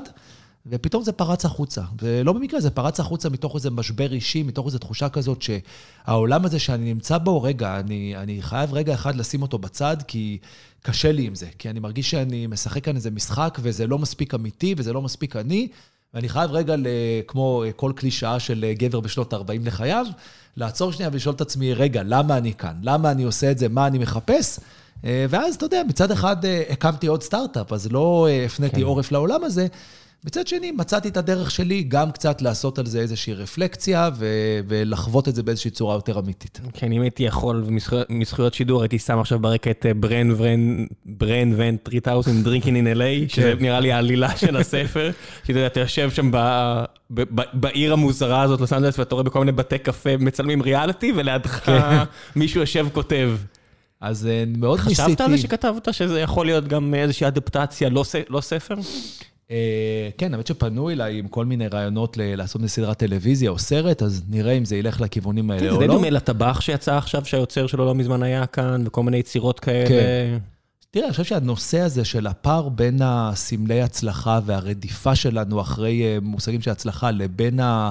הבדידות ההולכת וגוברת של אנשים בעולם, הוא משהו שמעסיק אנשים בכל מיני דרכים, אנשים מתחברים אליו. אז זה יכול להיות כן. שף שפותח מסעדה ונראה שהוא מאוד מצליח, אבל בנפשו פנימה מתחוללים דברים, וזה יכול להיות סטארט-אפיסט, ואפשר גם כן. לכתוב על אה, פוליטיקאי או על המון ספורטאי או על המון אנשים אחרים. יש הרבה דוגמאות כאלה, זאת אומרת, סיליקון וואלי עשו את זה במובן היותר הארדקור של הסדרה סיליקון וואלי. כן. מה שעשו זה הארדקור החוויה היזמית. יותר הומוריסטי, אבל, זאת אומרת, לקחו את זה לכיוונים. שמע, לא יודע, כשיצאה כן. העונה הראשונה, אז הייתי בדיוק עם אה, דורון באפיסל, שלא היה איזה סיפור הצלחה גדול, לא הייתי מסוגל לראות את זה. כן. היה לי כל כך קשה לראות את העונה הראשונה, כי זה היה כל כך קרוב, כל כך פגע, כל כך קרוב בבית. אז אני אגיד לך, זה נורא מעניין. אחת התגובות הראשונות שקיבלתי על הספר כשהוא יצא, זה שאחד היזמים, בוא נגיד מה top five של ישראל, מישהו כזה ששמו מוכר בכל בית בישראל, הקים את אחת החברות הכי גדולות, קרא את הספר, התקשר אליי, אמר לי, תקשיב, קראתי את זה בן לילה, זה ריתק אותי, זה היה לי נורא קשה לקרוא את זה. זאת אומרת, מצד אחד הוא קרא את זה ככה בוויש אחד, מצד שני, הוא אומר, זה היה נורא קשה, והוא אומר, אני אקנה את הספר הזה לכל מיני אנשים, הוא אומר, כולל לאימא שלי, סוף סוף הם יבינו מה עבר עליי. אני רוצה להגיד לו, עליך? הרי אתה, אתה סיפור ההצלחה, אתה, אבל כן, עליו, לא אתה יודע, בדיוק, אה, בדיוק אה, זה, כי הוא יכול להיות נורא מצליח ונורא עשיר. אה, ונורא מפורסם ונורא הכל, אבל גם נורא בודד. כן, נורא בודד, ולאכול piles of shit. בסוף, אתה די, בסוף אתה חוטף כאפות מכל כיוון אפשרי, ואתה אוכל, אתה יודע, כמו סטנדאפ. כן. ראית את, אה, איך זה נקרא, גברת מייזל באמזון פריים? לא. אז אחלה סדרה, אה, יופי של production value. אני מבקש, ההמלצות בסוף זה שלי, לא שלך. כן, ככה זה עובד פה בגיקונומי, רק שתהיה בעניינים. בסוף תיתן איזה המלצות שאתה רוצה, ואחלה תוכן, יש שם את הדוגמה של eating piles of shit כסטנדאפיסט. עכשיו, כן. אתה יכול לשמוע את ג'ו רוגן מדבר על זה כמה שאתה רוצה. הוא מדבר על זה הרבה, כמו כן. הרבה סטנדאפיסטים. אבל עד שאתה לא נמצא במועדון כזה, שאתה רואה את הבן אדם על הבמה, כן. לא מצליח להוציא אף צחוק, והוא נכנס למצב נורא, ואתה יודע, זה היה יופי בתוכנית כמו שיש ג'ו רוגן, שהוא מספר שם שזה קרה וקורה לכולם. אתה יודע, דייב שאפל יכול לעלות על הבמה ולנסות חומר חדש בסלר בלוס אנג'לס, והוא פשוט אף אחד לא צוחק. זה יפה, כולנו חושבים תמיד, זה חלק מתופעת הדשא של השכן, כולנו חושבים שאנשים אחרים, הכל בא להם בקלות, והם כל כך שמחים, והם כל כך מצליחים, וכל כך טוב להם. וככל שאתה מקלף יותר את הקליפות שם ומכיר יותר לעומק, אתה מבין כמה אצל כולנו זה הרבה הרבה יותר מורכב ממה שזה נראה. בסוף כמה מזל יש, אתה יודע, כל סטארט-אפ שהצליח, קראו לו, זה קלישה שדורון אוהב להגיד, איזה שבעה עד עשרה ניסים. כן. ואם לא קראו את השבעה עד עשרה ניסים, לא משנה מי אתה, כן. זאת אומרת, אז, אז יכול להיות, יש כאלה שיצטרכו הרבה פחות ניסים, כי הם פשוט, they know what they're doing, mm-hmm. ואז אתה צריך פחות ניסים, אתה יודע, נגיד אה, אסף רפפורט, עכשיו מקים חברה, אז הוא מגיע כן. סיד לפי מיליארד דולר, או לא כן. יודע מה, כן. זה אשכרה המספרים שהיו שם. נכון, אתה יודע, הזמן יגיד אם זה, אם זה עבד לטובת הסטארט-אפ או לא, אה, אבל... זה, זה אה, בטח יותר טוב מאלף סטארט-אפים אחרים, שלא הצליחו אפילו לגייס את ה-500 אלף דולר הראשונים. נכון. הנקודה היא אבל, שגם כדי שוויז נראה לי, החברה של אסף נקראת, כדי שהיא תצליח, צריכים, אבל באמת תצליח לפי המדדים האלה, כי נכון. מה לעשות שהרף שם הרבה יותר גבוה. בדיוק. צריכים לקרות ניסים, ואף אחד לא מציין את העובדה, יודע, אצלנו מצאנו איזה ילד דני, שהוא כן. אחד המפתחים הכי טובים שפגשתי בחיים שלי, והוא בגרוף פרסונליטי, שהיה לי את הזכות לעזור לו לצמוח אצלנו, והוא ממשיך לצמוח, ואוקיי, זה מסוג הניסים האלה, שאני אומר, אוקיי, זה קרה, אני לא יכול לברוח מהעובדה שהייתי צריך את זה אז אני מסכים. מאוד, אה, דווקא בגלל שגם אתה וגם אני חובבי ספורט, לא יודע איך אה, נושא הספורט לא עלה עד עכשיו בשיחה, זה ממש אה, ביזיון. אה, אז אה, אנחנו יודעים, תשמע, כשבמשחק כדורסל, כששחקן לוקח כדור עם הבאזר משלושת רבעי מגרש וזורק אותו קיבינימט וזה נכנס לסל ומנצח משחק, אתה יכול להגיד לקרוא לזה מזל, כי מידת השליטה שלו על הדבר הזה היא נמוכה, והיכולת שלו לשחזר את זה במובהקות סטטיסטית תהיה נמוכה יחסית. מצד שני, זה לא מזל, הוא עובד כל החיים כדי שיהיה לו את הכושר הגופני, את האתלטיות, את יכולת קבלת ההחלטות, את התיאום עם החברים על המגרש, את הריכוז, כל זה, אז, ו- ואם במקרה קוראים לבחור הזה סטף קרי, אז הוא גם עושה את זה שלוש פעמים מתוך עשר, באחוזים הרבה יותר גבוהים כנראה מכל אחד אחר. אז זה לא רק מזל. אין lucky punch, אתה יודע, הם אומרים את זה על, אתה יודע, על מישהו שלקח אליפות בזירה, בס- בספורט זירה, אגרוף, MMA, lucky punch, mother fuckers, מה זה lucky punch? הבן אדם 30 30 כמה שנה מכות הוא חטף כדי את להגיע ל lucky punch הזה. כדי לזרוק את ה lucky punch הזה עם הכוח, שבאמת, אם הוא פוגע, אז הוא יפיל, אם אני אזרוק lucky punch לג'ורג' סן פייר, אני לא אפיל אותו. סרה עשה את זה, והוא שומע כל החיים שלו, כן, היה לך לאקי פאנץ', לא mother fuckers, זה לא לאקי פאנץ', הוא הגיע לסיט, אין את העניין, נגיד זה הבעיה של סרט מורוקי. אתה יודע, הסיפור הזה והכל, לא מראים לך את השלושים שנה אחורה שהוא בכל זאת התאמן ועשה ואכל פיילס אף שיט. אני זוכר חרא מדלי. בפלייבאז, אתה, אתה ליווית אותנו בתחילת הדרך, כך כשהיינו סטארט-אפ שמאוד חיפש את דרכו, ו- והיה כמובן מאוד רעב ודל באמצעים.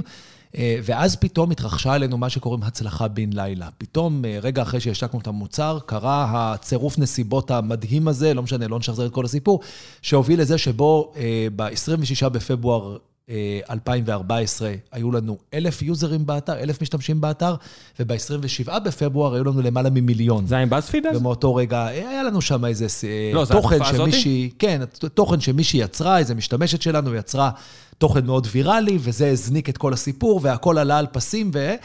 אז זו הייתה הצלחה בן לילה, אבל אני שנתיים, היו, היו לי שנתיים של לילות ללא שינה כדי להגיע אל הלילה הזה, זה לא אתה היה יודע. אז- זה היה Game Changer, ועשיתי שם נכון. טריוויה של ספורט, כן. שם רעיונות שהסתכלתי מהצד, אמרתי, וואו, מתי מתי הם עושים פיבוט? מה, תום נכנס אליי למשרד, אומר לי, בוא תשחק שנייה בטריוויית ספורט הזה. כן. אוקיי, אחי. אבל אוקיי, תשמע. זה יופי, אני, אני, אני אוהב את הפוזיציה היום, היום עם פיגי, שהיא חברה צעירה, אנחנו 11 עובדים, אתה יודע, בשלב מאוד התחלתי, המוצר רק מתחיל את צעדיו הראשונים בשוק, והוא עוד נראה מאוד אה, ראשוני ומאוד בסיסי. אה, אז אנשים באים אליי, אומרים לי, תקשיב, אה, אתם בכיוון הלא נכון כי א', ב', ג', או הנה מה שאני מאוד אוהב פה, ואז הם אומרים איזה משהו שמבחינתי הוא בכלל איזה טעות שמתכנן תכניס לשם בלי לשים לב. אבל אני אומר, וואלה, אנחנו רק בתחילתו של מסע. אתה יודע, אנחנו עוד נלך עם זה ונבין ונמצא, ואני מקווה שיהיה לנו אה, אה, מזל או צירוף נסיבות כמו שהיה לנו בפלייבאז, שבאמת נעלה על איזשהו, מה שקוראים product market fit, ומשם הדברים יתחילו לטוס. אה, אבל כדי להגיע לשם צריך לעשות המון, אה, ככה, לדפוק את הראש בקיר, ולחפש המון זמן בחשיכה, ולהיות ו- מאוד סבלניים, ולא ל- ולקוות שבסופו כן. של דבר זה יצליח. ולא להשאיר מוקשים שיהרגו אותך בהמשך. זה מה שלא מדברים עליו מספיק. יש החלטות שברגע שאתה לוקח אותן, הרגת את החברה בלי שאתה יודע. זה נכון לגבי החיים שלנו גם, נכון? לפעמים אנחנו מקבלים כל מיני החלטות, אנחנו, אה, לא יודע, נכנסים לזוגיות עם האדם הלא נכון, בוחרים אולי מה ללמוד באוניברסיטה מתוך איזה שיקול של לחץ חיצוני או ציפיות של אנשים אחרים, ואז זה במידה רבה, אתה יודע, לא אגיד בצורה דוגמטית, זה לא גוזר את דיננו אה, לכל החיים, אני אבל זה דוגמה- משפיע השפעה מאוד גדולה על החיים שלנו. מי שבגד בבת זוגו ולא סיפר לה מתישהו, יכול להיות שהוא שם מוקש רציני באושר שלו בחיים ובזוגי- ובחיי המשפחה שלו, ומתישהו זה יתפוצץ לו. יכול להיות. זה כזה, זה כזה, כן. לעשות החלטה בסטארט, אני אני ממש עושה, אתה יודע, זה ברמה כן. הזאת, בגדת באיזשהו ערך, בשותפים שלך באיזושהי צורה, אתה יודע, אקוטית, אתה יודע, כ... אני מכיר את זה כ-CTO, עושה החלטות, אתה יודע, ארכיטקטורה, אה, אין בעיה. זה יסתדר מתישהו. לא mother fuckers, כזה- כן. כשזה יצמח באמת, ויהיה, כשכל השאר יעשו את החלק שלהם, ויהיה הצ- הצלחה בן רגע, ואז החברה מתה כי היא לא ערוכה ל scale הזה, כן. לא יהיה בסדר. זאת אומרת, האחרים יכולים להגיד יהיה בסדר, כי הם סומכים עליך, אתה מבין? זה מסוג הדברים האלה ש... מצד שני, זה לא שבכל צומת קבלת החלטה תמיד צריך ללכת על הפתרון הנכון, הטהור, לא, התשתיתי ארוך right. טווח. לא, יש את הנכון right now. לא, אבל לפעמים כן. גם הנכון ולא נכון זה הרבה עניין של הימור, ושל להגיד, אוקיי, אני עושה עכשיו משהו, יכול להיות שאני אצטרך אה, מה שאתם המתכנתים אוהבים לקרוא refactoring, לכתוב את כל הקוד מחדש, לחזור אחורה, ולעבור במקום באנגולר, הפעם בריאקט, כי אז שבועיים אחרי זה אתם ימציאו שפה אחרת ונצליח נעשה את זה שוב, אבל לא משנה, אתם עדיין גורמים לנו לכתוב לא, את כל אז- אז הקוד הנקודה מחדש שאחרי כל פעם. 15 שנה שאני עושה זה, זה בדיוק, אתה יודע, כבר יש לי את ה... את הסוג של את הדיונים האלה של אוקיי, אני לא עושה את זה עכשיו נכון לסקייל של עוד כן. עשר שנים, אבל אני כן צריך לעשות את זה נכון לסקייל של עוד שנתיים, שנתיים, שלוש. תחת ההנחות, נכון. לתקשר, זה עניין של תקשור, הזמן לתקשר מה אתה עושה ולמה אתה עושה, ואז יש דיון שגם אם האדם השני הוא לא מתכנת, או לא מפתח, או לא, לא יודע מה, ארכיטקט, לא הוא מבין את השיקולים, ואתה צריך לתקשר את זה בצורה נאותה, וזה באמת הדברים שעוזרים נגיד ליזמים בפעם הרביעית או החמישית, זה המון עניין של איזונים, כן. הרי לפעמים אתה צריך להיות, אה, אין, אה, לפעמים אתה צריך להיות סופר נאמן לעצמך, לפעמים אתה צריך קצת להתפשר. לפעמים אתה צריך ללכת אה, מאוד לפי החזון ארוך הטווח, ולפעמים אתה צריך להיות קצת אופורטוניסט ולנצל את מה שנמצא מתחת לפנס. אה, זה, אין פה, אי אפשר ללכת 100% לכיוון אחד ולצפות להצליח, זה שילוב של הכל ביחד. ובעיקר נכנס הפקטור הזה שאנחנו מדברים עליו כל הזמן, שאנחנו אה, בשלוש אותיות פותרים אותו כמזל, והוא בעצם שילוב של כל הדברים שאנחנו לא מודעים אליהם, אנחנו לא בדיוק בשליטה עליהם, אנחנו לא בדיוק יודעים לשים עליהם את האצבע, אבל בסוף הם, אה, הם קובעים במידה רבה את גורלנו.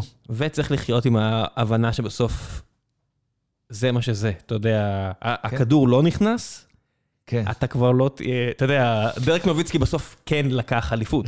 אם הוא לא לוקח את האליפות הזו, אם... הוא רק חושב על הכדור ש... כן.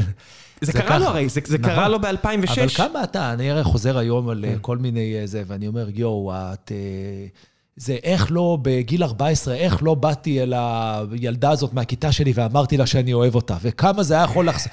אבל אתה יודע, זה כל הזמן, אנחנו כל הזמן חוזרים אחורה לכל מיני דברים ושואלים מה היה קורה אם, ואתה יודע, קונפליקט הדלתות המסתובבות. אנחנו לא באמת יכולים לדעת איך החיים שלנו היו מתפתחים אם היו קורים דברים אחרת, וכן, גם אני כמוך, יכול להיות ששנינו אה, זקנים במידה דומה. אה, לומד להסתכל אחורה באיזה סוג של אה, השלמה עם הדברים ולאהוב את הבחירות, גם כשהן אה, הובילו לכל מיני התמודדויות. לא יודע אם לאהוב, אבל שזה חלק מהמסע. לקבל. לפחות כן. לא לאכול את הלב, זה זה ברמה כן. של פשוט תקבל. זאת אומרת, הנה עוד משהו, כיזם אין יום שבו אני לא מתחרט ש- שאני לא עצוב שאין לי save ולואוד. אין יום, יום, אני אומר, אתה יודע, זו שאלה שאני שואל על אנשים אחרים, מה היית עושה שונה היום, בסוף כן. היום? זה ממש כאילו, אז כן. בין- ההבדל הכי גדול מבחינתי בין שכיר ליזם, שליזם יש כל יום, הוא באמת כל יום מצטער שהוא לא עשה save ו load על משהו. זאת אומרת, כן. כל יום אני מוצא את עצמי בסוף יום, מה הייתי עושה אחרת, יש לי משהו. לפחות אחד שהייתי עושה אחרת. כן. כל יום. ולפני כן לא היה לי את זה. לפני כן זה טיפה, טיפה יותר fucking, זה הכל בסדר. כן, אין, אין, זה, זה, אבל אין מה לעשות. אה, וכן, בסוף צריך, בסוף צריך לחיות עם, עם, עם מה שקורה. בספורט זה הרבה יותר קשה נראה לי. כן, נראה לי, אתה יודע, אני אתמול הלכתי, ל... הלכתי להיות אוהד אמיתי. נסעתי מתל אביב לחיפה, כדי לראות שם משחק של ירושלים נגד חולון, שנערך בגלל אה, אה, המצב הביטחוני, נערך שם. וזה משחק שבו אתה יודע שהקבוצה שלנו התפרקה לגמרי, אני אוהד הפועל ירושלים. אה, מחצית מהשחקנים עזבו את הקבוצה בגלל המצב הביטחוני ונשארו, הביאו שחקנים שלדעתי, הם, הם, אפילו הם לא ידעו שמשלח ידם הוא כדורסל. זאת אומרת, זרים הם- למשחק, מה שנקרא. כן, הם הגיעו באמת, אה, חבר'ה צעירים שקיבלו הזדמנות, אבל בתנאים כן. שהם לא נגד אחת הקבוצות הטובות בארץ, בזה, וכמובן שהובסנו והושפלנו עד עפר.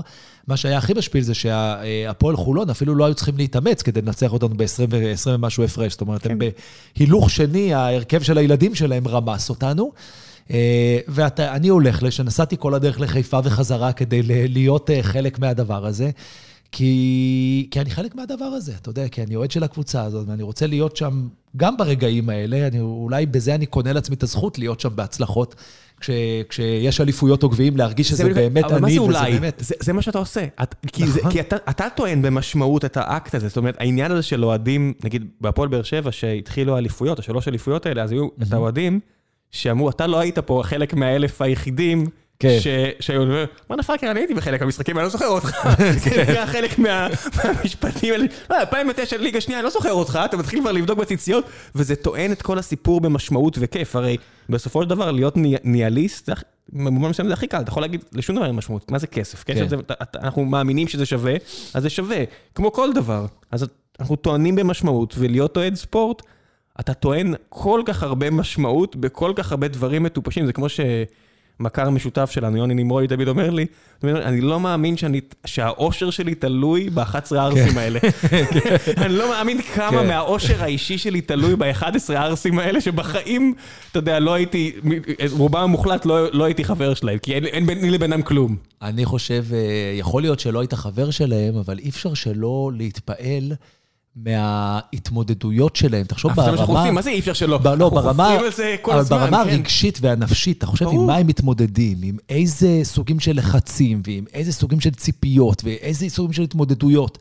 וזה מדהים, אתה יודע, בדיוק כמו שאנחנו מסתכלים על המסע של יזמים בתחום ההייטק, וקולטים כמה רבדים וכמה אה, משמעויות יש לו, אה, זה קיים גם בהמון תחומים אחרים, וזה מרתק. ואתה טוב במה שאתה טוב, ולרוב רק בזה. אתה יודע, היה לי...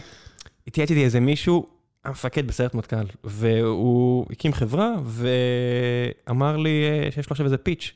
והוא אמר לי שהוא מאוד לחוץ, כי האנגלית שלו לא מצוחצחת, או משהו כזה, אמרתי לו, אחי, התמודדת עם דברים טיפה יותר אה, כן, בעייתיים. כן. לא, זה נורא מלחיץ אני לא מצליח לישון בלילה. ואתה אומר, אוקיי, בא לי. הוא נורא חשש על האנגלית שלו, ושהיא לא... הוא ממש. אכל כאפות על זה.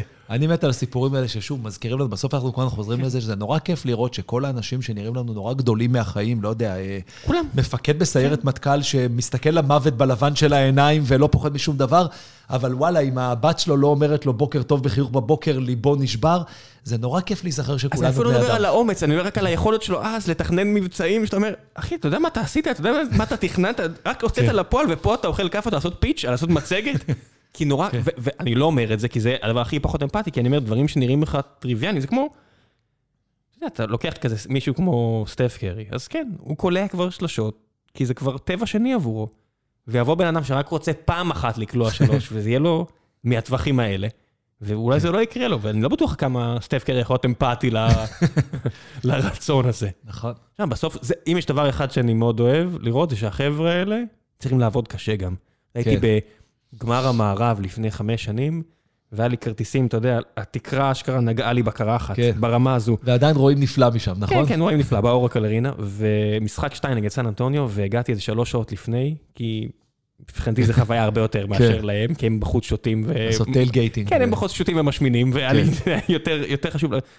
ושלוש שעות לפני, אני רואה את קווין דורנט יוצא, רק- קווין דורנט יצא כן. והתחיל אה, לזרוק. כן. ושאלתי אותי, תגיד, אני יכול לרדת, אה, כאילו רק הסכם כמה? כן, אין פה אף אחד. אמרתי, אוקיי, אני לא מאמין שאתם לא פה. ואני יורד ואני אומר לו, היי קווין, מה העניינים? אני עושה לו fist bump. הוא כן, גדול. כן, אני פה, לו, "אתה- פה? כן, הוא עושה, כן, אני צריך להיות מוכן.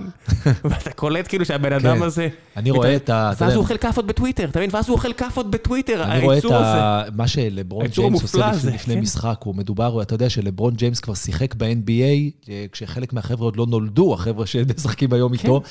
ואתה רואה אותו לפני כל משחק עושה סדרת תרגילי כושר, שאתה יודע, אתה ואני גם בימי עלומנו לא היינו מסוגלים לעשות רבע מזה, כן. ברצינות דתית ובאמת באמביציה בלתי רגילה.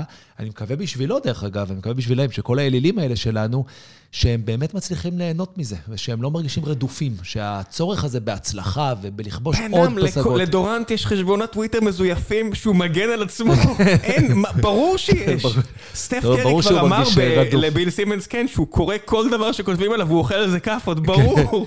אתה יודע, נורא מעניין, ראיתי אגדת... אתה ראית את אה, הסרט על ג'ורדן, את הסדרה על ג'ורדן, זה בן אדם. משוגע לגמרי. ראיתי את אה, אה, הרצאה אה, ככה די אינטימית של אגדת ספורט אמריקאית אחרת, דרק ג'יטר, אחד מכוכבי הבייסבול בארץ, פחות מכירים, אבל מישהו שהוא באמת household name באמריקה, ואחד מכוכבי הבייסבול הגדולים בהיסטוריה.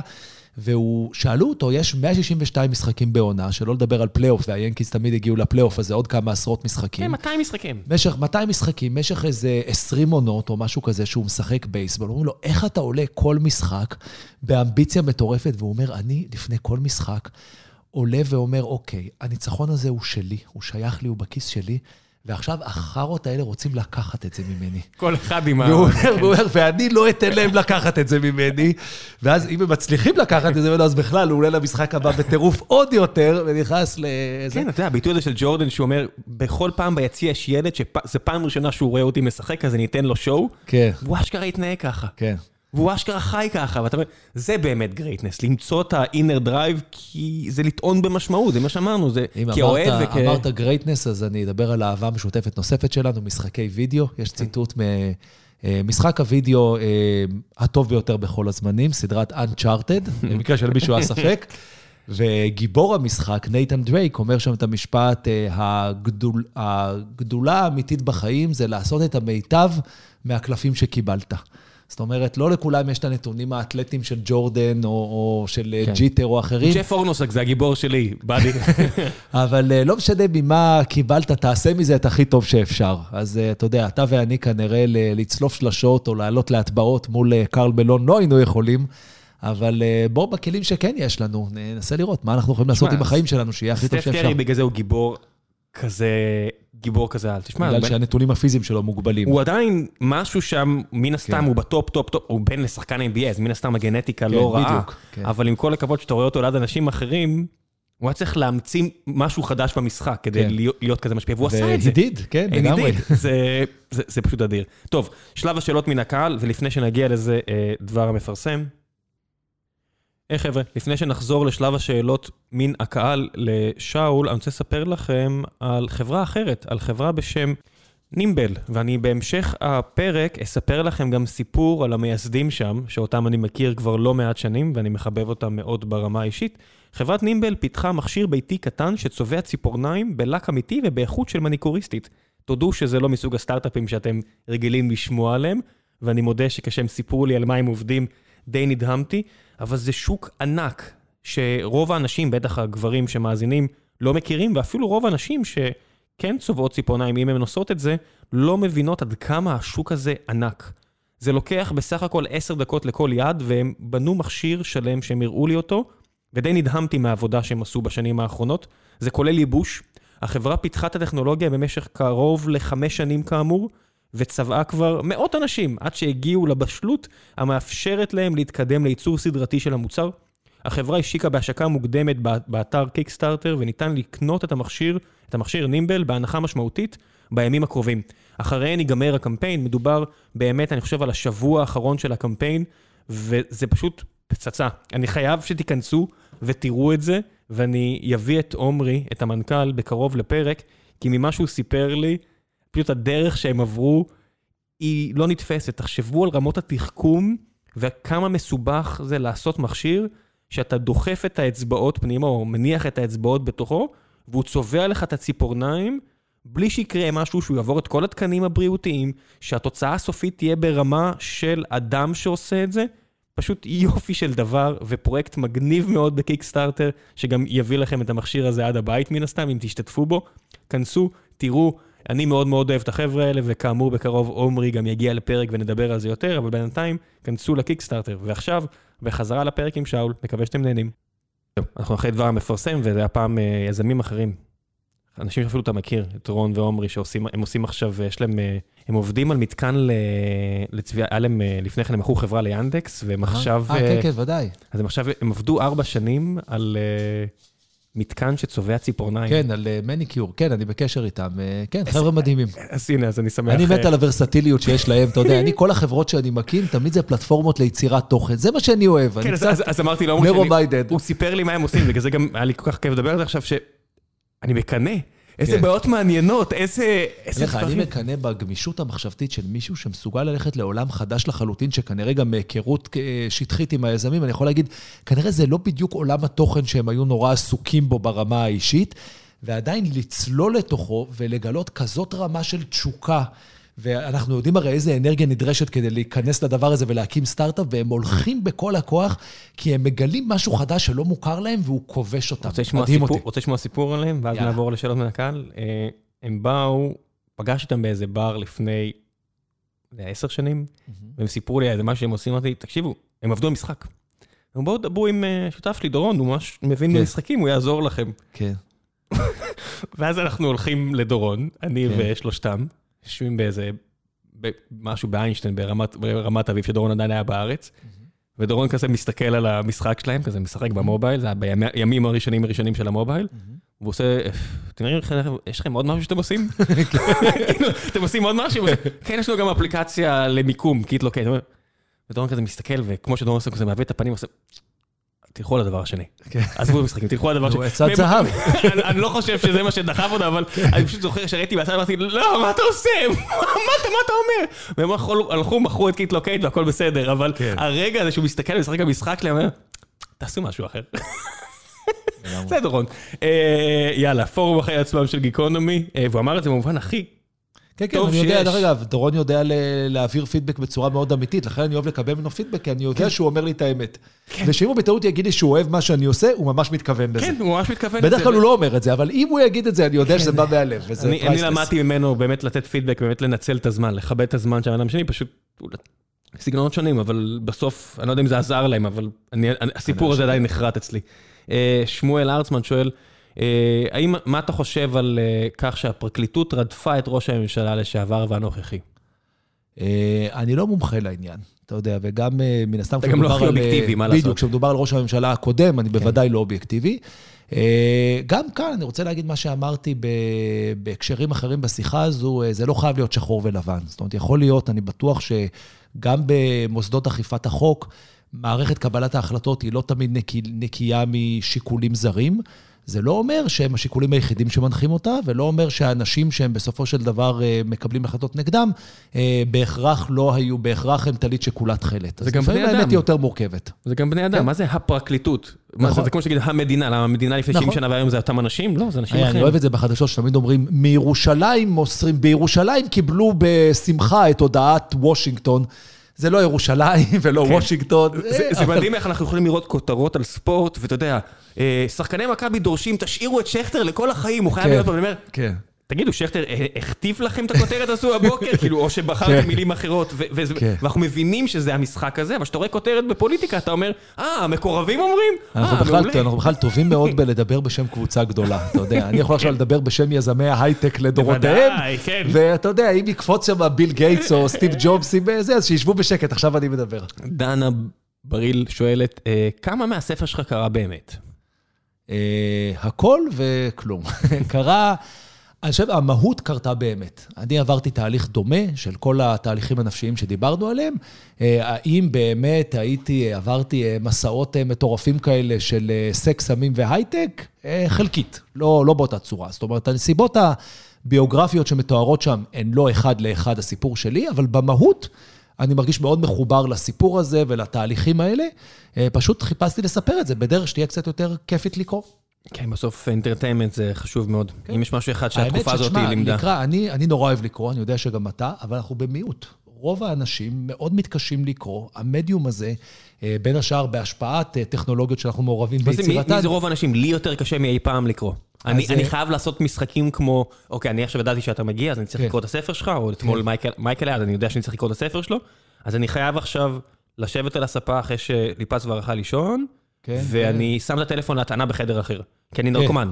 כן. אני יודע את זה, וזה יפריע לי, אז אם אני רוצה עכשיו לתת שלוש שעות ול- ולקרוא מהר ספר כמו שצריך, כן. אני, בגלל שאני נרקומן, אני יודע שאני צריך לשבת בחדר בלי הטלפון. אז בגלל שזה קשה לאנשים, היה לי מאוד חשוב שהספר יהיה קל לקריאה. במובן הזה הוא לא בהכרח קל במובן שהוא מתאר גם אה, תחושות וחוויות לא קלות, אבל שזה לא יהיה עול לקרוא אותו. כי אני חושב שצריך להבין שלאנשים קשה לקרוא. אפילו, כמו שאמרת, לנו, אני נורא אוהב לקרוא, אבל לפעמים אני מסתכל, התחלתי לקרוא עכשיו איזה ספר של 700 עמודים.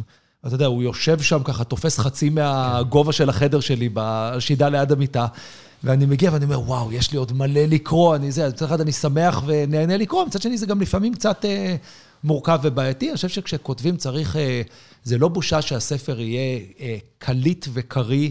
אה, וזורם. אה, אני גם לא חושב שצריך לבוא על? חשבון... אה, זה לא צריך לבוא, על חשבון העומק או החשיבות של הדברים שנידונים בספר שאתה כותב. כן, עם, כל הכבוד, הרוב המוחלט של הסופרים לא ג'יימס ג'ויס. אתה יודע, שהוא אמר. שהוא כתב את ליסה שהוא הולך להעסיק עכשיו מורים לספרות למאה שנה. כן. עם כל הכבוד, בהרבה כן. מקרים אתה סתם סופר מחורבן, אם אתה, אתה יודע, אם אני לא מצליח להבין מה אתה רוצה במשפט, כן. אני אומר אוקיי, מה קראתי פה? אני צריך לחזור אחורה שנייה לקרוא. זה לא איזה הישג גדול היום, אני לא... מסכים. כן, אני גם לא אומר שאתה צריך לרדת, אתה גם לא מרק טוויין, אתה לא צריך לרדד כל דבר לשני משפטים. כי גם זה צריך כישרון מופלא כדי לספר סיפור בפחות, כן? נכון. בסדר. תהיו entertaining, זה בכלל לא רע. אה, יאיר רווה שואל למה גיקונומי כבר לא מוקלט במשרדי Playbuzz. אה, א', אתם מוזמנים, כן. אנחנו, זה נראה לי שפשוט כי גדלתם ויש לכם אולפן משלכם, אתם לא צריכים אותנו יותר. אין לי אולפן משלי, יש לא, לי חדר. חדר בחברה שאני מועסק בה, ואני תמיד אומר לעצמי, תמיד יש לי בראש, אוקיי, ביום שהם יחליטו שאני לא דרוש יותר, מה אני עושה? ואני ממש מקווה שהם ישאירו את לפחות כן, החדר. אה, אתה יודע, אצלנו בפיגי וגם כן. ב Playbuzz הדלת פתוחה, אתה מוזמן לבוא ולהקליט אצלנו כמו בימים ההם. כן, שאלו פה על, אה, למי הצבעת. אה, מעניין אותך? אה, הצבעתי למפלגת העבודה, לראשונה וואלה, בחיי. זה גם הייתה השאלה, האם תמכת במפלגת העבודה? אז כן, תמכתי במפלגת העבודה, ואני אפילו חבר מפלגה לראשונה בחיי. בעבר הצבעתי לרשימה המשותפת, ולפני כן למרץ בעיקר. אה, אז ככה, אפשר למקם אותי מבחינה פוליטית על איפה, אה, איפה פחות או יותר נמצאות הדעות שלי. אני מאוד מאמין במנהיגות של מפלגת העבודה ובדרך שלה, ואני חושב שאני מאוד... באמת הצבעתי, מאוד שמחתי על הבחירה שלי. ככה יצאתי מהקלפי ואמרתי, לא יודע, כן יעברו את אחוז החסימה, לא יעברו, יצליחו, לא יצליחו. אני מאוד גאה במי שבחרתי. תומר נמט שואל, האם אתה חושב ללכת לפוליטיקה בעצמך? אני לא חושב ללכת לפוליטיקה בעצמי. אני לא יודע במה עוסקים מעורב של תומר, ששאלת שאלה, אבל uh, אני חושב שזה מוזר קצת שיש ציפייה מאנשים, ש... אני חושב שזה באנשים שההורים שלהם מפורסמים. תמיד שואלים אותך, אתה רוצה גם להיות שחקן כדורסל כמו אבא, אתה רוצה גם לא, להיות uh, זמר כמו אבא? אמא שלי רופאה והיא לא מפורסמת, וקיבלתי הרבה פעמים את השאלות האם רוצה רופאה. אז אולי אני סתם uh, לוקח את זה אישית יותר לא, מדי, כן, אבל uh, כן. זה, זה פשוט טבעי, כי זה מה שראית. אני אגיד לך את האמת, uh, יש לי, uh, אחת הבנות שלי אמרה לי פעם שהיא רוצה להיות, שהיא תגדל, היא רוצה להיות uh, מתכנתת בחברת הייטק. ופתאום נעתקה נשמתי, וזה נורא החמיא לי. אמרתי, יואו, היא, היא רוצה להיות כמוני, איזה, איזה יופי. והאמת, לא חשבתי על זה. לרגע, לרגע לא חשבתי על זה שאני רוצה שמישהו מהם יעשה כמוני, או יהיה כמוני, שיהיו מה שהם רוצים, האמת. כן, אבל, אז התשובה היא לא. התשובה היא לא. כן, אם כבר, אני חייב להגיד, אם כבר, מי שקרוב לפוליטיקאי, הייתי אומר, כאילו, אני ממש נופל מהכיסא שמישהו כן רוצה לעשות את זה. כן. מהרבה בחינות, אני מודה. כן, אתה אומר, הוא רואה מקרוב את האימה. זה לא אימה, זה פשוט תפקיד באמת אה, לא תמיד אה, כזה כיפי. זה באמת... בלשון המעטה, כן. כן, זה באמת נראה לא כיפי בעליל, אני... אה, גם כן, אני יודע, אני חושב שזה הרבה דברים, זה גם וגם, זה גם פוליטיקאים, בטח שנמצאים, אם למשל אחד מאיתנו, הוא קרוב משפחה שלו היה פעם ראש ממשלה, אני חושב שבכל עמדה שאתה מגיע לטופ, אתה עובר את הרכבת הרים הזו שדיברנו עליה בהקשר של יזמות קודם, של אתה עובר גם שיאים מטורפים וגם תהומות מטורפים. אה, וצריך להיות עם אה, מבנה אישיותי שיודע לעכל את זה. כן, נו, אבא שלך שמר על הומור, זה... כן, בהחלט. כן, יש לי כל... טוב, יש לי... אני יכול להגיד לך שאבא שלי גם, אה, אתה יודע, אני לא מרבה לדבר עליו, כי אני תמיד מרגיש שזה קצת... אני רוצה שתשומת הלב תהיה עליי ולא עליו, אני מרגיש שהוא קיבל מספיק תשומת לב וחייב, ועכשיו תורי. כן. אבל אני יכול להגיד שאבא שלי, למדתי ממנו את ה... העובדה של להתמודד עם סיטואציות קשות באמצעות חוש הומור, זו לא האופציה הטובה ביותר, זו האופציה היחידה. וראיתי את אבא שלי ברגעים באמת הכי קשים, היו שניים, שלושה כאלה, כפי שהמאזינים יכולים לדמיין. אה, ראיתי אותו שומר על חוש הומור, ובעזרת החוש הומור מצליח להתמודד עם כל מיני דברים שמן הצד לפעמים נראה היה שהם אה, קשים מנשוא, אה, חושב שזה שיעור מדהים. לגמרי, אמ, אבל זה לא מתאים לכולם. לא, לא כולם מסוגלים כן. לזה. אה, זה עדיף אם אפשר. גיל שואל, נעשה עוד שתי שאלות. אה, מה הטעות הגדולה ביותר שמי שיקרא את הספר שלך יעשה בעקבות הקריאה? אה, אני חושב שהטעות הכי גדולה שמישהו יכול לעשות זה להניח שסיפור החיים של מישהו אחר הוא אחד לאחד מודל לאיך שהוא צריך לנהוג.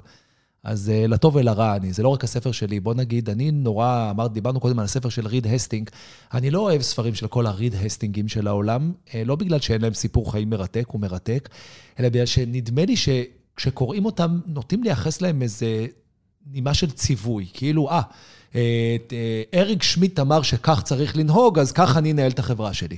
אני רוצה להגיד לך שני דברים, או שלושה דברים. קודם כל, אתה לא אריק שמיט. דבר שלישי... החבר'ה שהקימו את החברה שלך הם לא לארי וסרגי. נכון. דבר ש... או לא משנה, ביל גייטס או סטיב ג'ובס או כל מי שאנחנו לוקחים ביוגרפיה שלו, ומתוך הערצה אל פועלו ואל הישגיו, נוטים לחשוב. שמה שהוא אומר זה בגדר דברי אלוהים חיים. ב', אה, הצורה שבה הוא מספר את הסיפור, תקשיב, אפשר לספר את זה גם בעוד אלף דרכים אחרות והן יהיו נכונות באותה מידה, זה, זה לא... האנשים שציינת שיצא שיוצאים סיפורים אחרי לכתו של, אה, של סטיב ג'ובס, זה סיפור מצטייר אחרת. נכון. ביל גייטס, as we speak. כן, כן, יוצא... הביוגרפיה שלו משתנה פתאום. כן, צדדים הספר... אחרים באישיותו יוצאים לאור. כן, אם מדברים על בן אדם שיצא מהחברה, כמו בספר כביכול, כן. זה, ש, שיצא מהחברה לא בתנאים הכי אידיאליים עבורו, כן. אז מגלים כן. שגם ביל גייטס הגדול לא בהכרח יצא מהחברה כן. בתנאים שהוא בחר. אז אני חושב שיש משהו ב... להפסיק לראות אם מישהו מצליח, זה בוא נפרגן לו, בוא נשמח בשבילו, בוא נתעניין, זה כיף לשמוע אולי את הסיפור על למה הוא הצליח ואיך הוא הצליח. בוא לא נייחס לו אה, אה, יכולות, אה, לא יודע, יכולות על, או לא, לא, לא נניח שבגלל שהוא הצליח, זה אומר שכל מה שהוא אומר זה בהכרח נכון, ושזה בהכרח נכון לגבינו ברמה האישית. זה גם הולך בנוגע למה שאמרת בפייסבוק, קריאה ביקורתית, זה הכל. כן, רק קריאה ביקורתית, לא משנה מה אתם עושים, תסגלו קריאה ביקורתית, זה הכל. מסכים. זה, זה הרבה יותר קל אחרי שהבן אדם הולך לעולמו, שכותבים ביוגרפיה, לא באמת, שאתה קורא כן. ביוגרפיה על בן גוריון או על נפוליאון, שזה שתי ביוגרפיות שהכי נהניתי מהם השנה, אז נורא קל, כי שניהם כבר מתו, ואז אתה לוקח, אתה יודע, אתה אומר, אוקיי, אין אף רחוב בפריז או נפוליאון, אוקיי, אני מבין למה. כשדיברת קודם על אה, אנשים שמאוד הצליחו ונשארים בצד ולא רוצים להתפרסם כמצליחים, ככה שומרים על הצניעות שלהם ועל הפרטיות שלהם. לא יודע מציאות, אבל... אני חושב שהרבה מזה יכול לנבוע, זאת אומרת, זה יכול לנבוע מכל מיני סיבות, אולי מאיזה חרדה חברתית, אולי מכל מיני דברים, אבל זה גם במידה רבה נובע מזה שהם אומרים, אתם יודעים מה, עם כל זה שאנחנו נורא מצליחים, אנחנו לא רוצים לבלבל את העולם ולחשוב שאנחנו יודעים על מה אנחנו מדברים. מה, אני מכיר הרבה אנשים כאלה. כי ככל שאתה יודע יותר, אתה בעיקר, נגיד, אני אה, חובב יין. ואני לפעמים אה, אה, משלם סכומים שאני נבוך להודות בהם בקול רם על, אה, על יין, כי אתה יודע, כשאתה נכנס לתחום אתה מתחיל ללמוד את ההיסטוריה שלו ואת האסתטיקה שלו, ולהיות מאוד פיינשמייקר בדברים הקטנים. אה, אבל בעיקר כששואלים אותי אם אני מבין ביין, אני אומר, תראו, אני, בניגוד אליך, מבין עד כמה אני לא מבין ביין, אוקיי? בגלל שאני מבין קצת, כן. אני מבין כמה אני לא יודע. אז כנ"ל, אתה יודע, כשאנשים, אני חושב שהם אנשים שמצליחים, יש כאלה שחושבים שיגעון גדלות וחושבים שהם יכולים עכשיו לכתוב את הספר על איך עושים את זה נכון וללמד את העולם. אני חושב שאנשים שמצליחים באמת מבינים כמה מעט הם מבינים על איך העולם עובד, ולכן הם נזהרים שלא יראו בהם אורים ותומים, כי אתה יודע, זאת אחריות כן. גדולה מדי. יש ויש. נכון. פרופסור ישראל אומן קיבל נובל על משהו נורא ספציפי במתמטיקה, נורא כן. נורא ספציפי במתמטיקה, והוא מרגיש נורא בנוח להגיד את דעתו על כל דבר בעולם. אריאל כן. רובינשטיין, פרופסור אריאל רובינשטיין, שאולי יקבל נובל יום אחד, ישב פה, והוא לא מרגיש בנוח, ועל אותו תחום, תורת המשחקים, הוא לא מרגיש בנוח לצאת סנטימטר מהתלם, והוא אומר, אני לא מבין בזה כלום, למה אתה שואל אותי? ואני יודע, ישבתי שם, לא היה לי מה לשאול אותו, כי הוא לא מוכן לדבר על כלום כמעט, מעבר לסנטימטר שלו, הוא אומר, הייתי צריך להיות בכלל עורך דין לזכויות אה, אה, מיעוטים, או לא יודע מה. כן. הוא אומר, זה לפחות הייתי עושה משהו טוב, בזה אני לא, לא מבין כלום. יש כאלה ויש כאלה, אתה יודע. מסכים. טוב, אה, שאלה אחרונה, עומרי שואל, האם אתה חושב שמק ג'ונס הוא הבריידי הבא, ומתי לדעתו נזכה שוב לראות את לומברדי בפוקסבורו? לומברדי זה אומר אליפות לניו אינגלנד. כן. אה, פוטבול. אה, לצערי, אני לא אופטימי, אני לא יודע אם מק ג'ונס, לא ראיתי אותו משחק אף פעם, האמת. אני גם יודע שזה לא נורא משנה, כי כמו שכשתום בריידי הגיע לליגה, אף אחד לא חשב שהוא יותר מאשר איזה אה, בחור גמלוני ולא אתלטי במיוחד, שאין לו כן. סיכוי לראות דקה אחת של דשא. והוא הפך להיות, אה, מה זה, הגדול ביותר בכל הזמנים, אינדיספיוטיבלי. זאת אומרת, כל האנשים שכביכול התחרו איתו על התואר הזה, הם מודים בפה מלא שבריידי גדול בהם, וזה באמת אה, גדולה שנפלא לראות מהצד. זה ממש נדיר. יוקיץ' עכשיו אה, הולך לקבל... MVP, אני מקווה. כנראה. כן. וזה בסך הכל הפעם השנייה בהיסטוריה שלא שחקן סיבוב ראשון בדראפט מקבל. מדהים, שתבינו עד כמה זה, כן. שמביאים את הדוגמאות האלה של בריידי וכאלה, בריידי נבחר בסיבוב השישי, בבחירה 199. זה מאוד נדיר. מאוד נדיר, אבל זו באמת גדולה אמיתית. אני לא מאמין שנראה בניו אינגלנד, אני אוהד, אה, מי ששאל את השאלה יודע איזה קבוצת פוטבול אני אוהד. אני לא מאמין שנראה את אותו סוג של גדולה. אם אנחנו יכולים לראות עוד אליפות, חד משמעית, הליגה הזו בנויה בצורה, אתה יודע, אחד הדברים היפים במשחקים, זה לא תורת המשחקים. הבקנירס קיבלו, זכו עכשיו עם אליפות עם אותו בריידי, כן, אז הכל יכול לקרות. לא, מה שיפה זה שהמשחק והליגה בנויים בצורה שהיא באה לייצר איזון בין איכות ומקצוענות לבין מזל ונסיבות ומקריות. אז בגלל זה יש דראפט, ובגלל זה כן. יש סדר משחקים שהוא נוטה בצורה... מלבד הנזק המוחי זה הספורט המושלם. כן, אז אני אומר, כל המנגנונים האלה אה, נמצאים כדי לדאוג שזה לא יהיה מוכתב מראש, שזה לא שאם מישהו הכי טוב במה שהוא עושה, הוא תמיד יזכה באליפות, לא משנה מה. כן. אה, ולכן אני חושב שלכולם יש סיכוי, זה החלום האמריקאי במיטבו, וזה אתוס שהופך את הספורט הזה לכיף. כן, זה, זה באמת מהרבה מאוד בחינות, זה ענף הספורט הכי טוב שיש. לא, תשמע, אני, אני אמרתי פה, אני לא מתבייש להגיד, שאני דיברתי מול הבורד שלנו, ואמרתי בביטחון ש-2022 זה השנה החשובה, שהיא זכויות של... של ה-NFL, כן. וזה יגיע לפייסבוק או אמזון, והעולם משתנה, ואנחנו נהיה שם בדיוק אה, במקום הנכון. אז אנחנו עכשיו איפה שרציתי שנהיה, רק ש... הנה, חתמו שוב כן, האריכו את החוזה לעוד כמה שנים. לא יודע כן. כמה שנים, כי עם כל הכבוד, זה פשוט מדהים. כן. אז אתה יודע, go stuff it, אני והנבואות שלי, כי בסוף, הם יודעים מה הם עושים ב-NFL, זה באמת ספורט מדהים, מלבד העניין הזה ש... אני נדהם, אתה יודע, אני זוכר בתור ילד, נגיד, אה, התחלתי לעקוב אחרי ה-NBA, והיו כל מיני שמועות שאולי היום באחת בלילה או בארבע לפנות בוקר, לא ברור, ישודר בערוץ המזרח התיכון משחק מה-NBA, לא ברור איזה, ו- ואפשר כן, להישאר ער. כן, כן, לזה. טבעי, אמי טבעי. והיום, אתה יודע, אני מתעורר, ב... שם לעצמי שעון, מתעורר בארבע לפנות בוקר, לא יוצא מהמיטה, פותח את הטלפון, שם NBA, המשחק קצת סטטי לי מדי, אז אני במקביל פותח חלון של טוויטר ומרחל עם חברים על המשחק ב... בזמן אמת. כן. אלוהים אדירים, איפה אנחנו נמצאים מבחינת ה... אבל זה מדהים. דיברנו הרבה על כמה הטכנולוגיה אה, משפיעה על חיינו לרעה, אבל אה, וואי, זה מה זה נוח לראות NBA? הרמה, כן, אנשים, אני רואה אנשים שמתבאסים מזה, העונה הרגילה כבר אין לה משמעות, כן. לא יודע, אני מאוד נהנה מהפנטזי. אני מפיק כן, מזה לגמרי. המון הנאה, וגם אם אני רק רודף אחרי מספרים, כאילו כאוהד, כן. אני נהנה מזה. הם מקבלים הרבה כסף, מה אכפת לכם?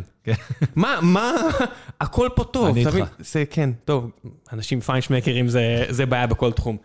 בן אדם, תודה רבה רבה רבה. לא. נחכה עוד אה, שש שנים עד הפעם הבאה, או שבע. שנים, או לא יודע כמה. יאללה, ביי. תודה. חזרנו, כי שכחנו להמליץ.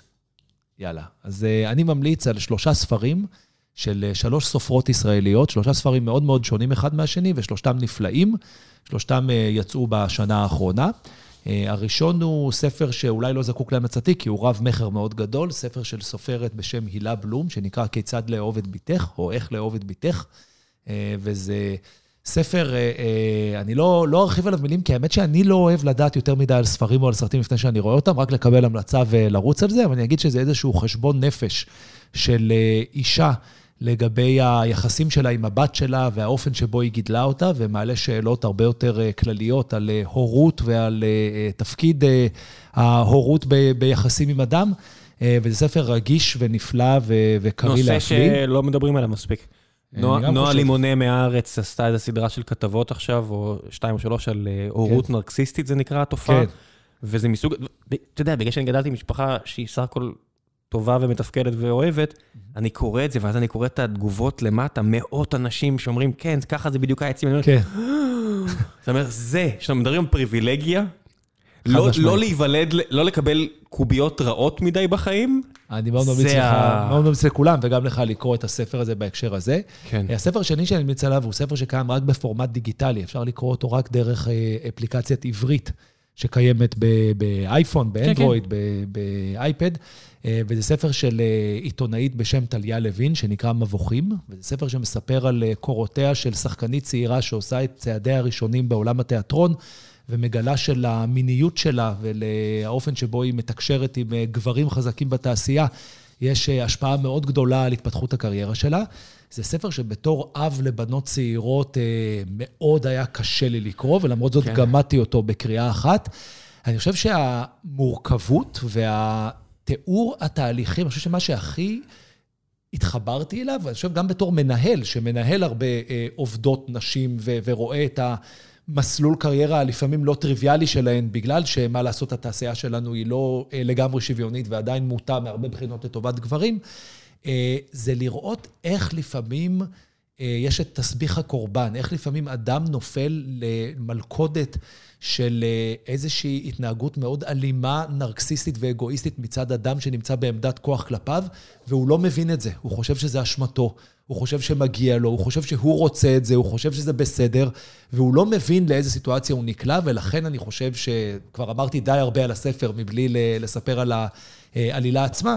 אה, ספר באמת חשוב ומאוד אה, מעורר מחשבה, וגם מאוד אה, יפה בעיניי שמישהי מוציאה ספר שלא במסגרת הוצאת ספרים אה, ממוסדת, כמו שאני עשיתי, אלא מוציאה אותו באופן עצמאי. זה ערוך? ומביאה אותו אל הקהל, כן, הוא עבר אה, עריכה והוא ספר אה, באמת אה, יוצא מן הכלל וגם מאוד חשוב בעיניי. והספר השלישי והאחרון הוא בכלל ספר שירה, וגם אותו אפשר לקנות רק אונליין, אז תעשו חיפוש אונליין ותקישו את מחוזת החיפוש והפעם עם הקובץ. זה ספר שכתבה משוררת ישראלית שחיה בלונדון ככה נקרא? כן, וה- והפעם עם הקובץ, והוא בעצם מספר, זה אסופת שירים ככה בסגנון, אה, קצת עם הומאז' ל"הילד הזה הוא אני" של אה, יהודה אטלס. שירים קצרצרים כאלה, מין חמשירים, שמתארים את היום-יום של עבודה, אה, ספציפית בעבודה בהייטק, אבל אה, לא רק. ונוגע בעצם בהרבה שאלות, בבדידות ובחוסר תוחלת ובהטלת ספק לגבי כל מיני אה, מודלים אה, אה, בחברה שאנחנו חיים בה, ועשוי פשוט בצורה סופר מצחיקה, שובת לב ונורא יפה. אז שלוש יוצרות שכתבו ספרים נפלאים, ואם יש דבר כזה, קנאת סופרים, אומרים שקנאת סופרים תרבה חוכמה, אז אני מקנא בשלושתן. כן, לא, מה זה, אומרים שיש דבר כזה קנאת סופרים, מה קרה לך? כן, קראתי על זה, שמעתי כן, על זה. What is this thing, כן. איך לא, כאילו... אז אני באמת מקנא בשלושתן, כי הן יצרו כל אחת בדרכה ובסגנון מאוד שונה ובנושאים מאוד שונים, אבל אה, יצרו אה, באמת יצירות נפלאות שכיף לקרוא. ובכלל, אנשים, תקראו, גם אם זה לפעמים נראה שזה קשה וזה, לכו על זה, זה... כל כך מעשיר, זה דבר נפלא. ו... שלצערי קצת עובר מהעולם, וחבל, כי זה דבר נורא יפה שיש בעולם. לא, והיא לא רק בגלל הפרט הטכני הזה, שאתה יודע מה, מה הכי מיוחד בקריאה, בניגוד למה שאנחנו עכשיו עושים עכשיו, אה, זאת אומרת, לא, אנחנו חושב שמי שמאזין לנו, אם עדיין יש מאזינים, אה, הם עושים בוודאות עוד משהו. כן. הם בוודאות, עכשיו, עושים עוד נוהגים, כלים, מטיילים עם הכלב. אה, מאזינים בזמן שהם בטוויטר, מאזינים בזמן שהם בפייסבוק, לא יודע, הם בוודאות עושים עוד משהו. אני לא רואה שפשוט יושב על הספה ומאזין. כן, רובם המכריע, אין ספק. 99.9999 אחוז. ספר, כן. זה הדבר המדהים, אתה עושה רק את זה. בסוף יש גם ביולוגיה. בסוף אתה לא multi-thread כשאתה קורא ספר, זה בלתי אפשרי, ככה זה. כן. עכשיו, פתרו את זה מעניין של audiobooks, שאני... היה לי מאוד קשה, ואני כן. 20 שנה אחורה, חברים שלי שהתחילו עם audiobooks, אמרתי, אני לא מוכן, לא מוכן, כן. לא מוכן. עכשיו אני מנוי ל Audible ואני שומע 15 ספרים בשנה, זה הממוצע, הסתכלתי. אז אני עוד לא נכנסתי, לא נכנסתי ל audiobooks, אני רק קורא, אבל אה, נכון שעשיתי את המעבר הזה, אני כבר קורא לאו דווקא בספרים מודפסים, אלא לפעמים ספרים דיגיטליים, זה גם, זה לא משנה לי, אני יכול לקרוא ככה או כך. אולי בראשון, אבל uh, מהרגע שנכנסים לזה, זה זורם. זה בדיוק, בראשון. ו... אח, כן. אחרי זה, שמע, עדיין יש לי את הספרים בספרייה, אני לא יודע מתי, אם אני, דיסקים למשל, כבר נכון. ברור שאין לי כן. בבית, אין לי, אפילו, אין לי אפילו קונן דיסקים, הייתי צריך עכשיו להאזין למה שהם עדיין איפשהו בבית של ההורים. החיים שלנו עברו לענן, אה, לטוב ולרע. אבל, אבל הספרים עדיין שם. נכון. הנה, את הספר שלך קראתי פיזית, את הספר כן. של מייקל קראתי פיזית, עכשיו אני קורא, מגיע לפה שבוע הבא, אה, מריו ליביו, אתה יודע מי זה? לא. פרופסור לפיזיקה, אני, אני, כילד קראתי אותו, או כנער, או לא יודע מה.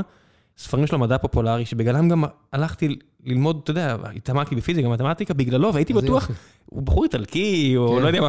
ואז קיבלתי מייל לפני איזה חודשיים, אה, אני בארץ, אה, תגיד, אתה רוצה שנדבר בפודקאסט על הספר? אני אומר לי, מה? וואו. עברית? אתה מדבר עברית? מה, פרופסור בטכניון? לא ידעתי אפילו. כן? כן. ענק. אז קראתי ספר שלו, פיזית, עברית. תראה איזה כוח יש לספר, שאתה קורא אותו בתור ילד, ואתה זוכר אותו גם 30 שנה אחר כך, אתה זוכר, אתה מדבר בהתרגשות גדולה על איך הספר הזה פתח בפניך עולמות.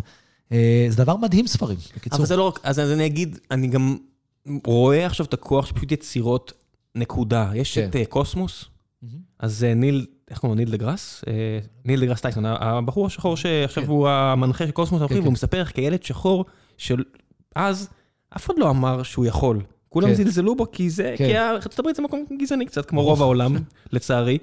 והוא ראה את קוסמוס, וקרל סייגן, שהוא בן אדם מופלא. אני, אשבר לי הלב אם יום אחד יצאו עליו דברים רעים, איזה me too או משהו כזה. סטלן חביב וגאון, אה, שעשה סרטים מדהימים וספרים מדהימים ו yada yada yada, ועושה את קוסמוס. וניל דה גראס אומר, כתבתי לו, והוא שכנע אותי, בגלל שכל כך התרגשתי מהסדרה, הוא שכנע אותי שאני יכול, והנה היום הוא פרופסור בעל שם עולמי שעושה קוסמוס בעצמו. מדהים. לעשות יצירות, בסוף, כן. פשוט ספר זה, יש לו את היתרונות שלו, כמו לכל מדיה. טוב, זהו, די, יש שאני צריך לחזור למשפחה, יאללה. ביי. ביי, להתראות.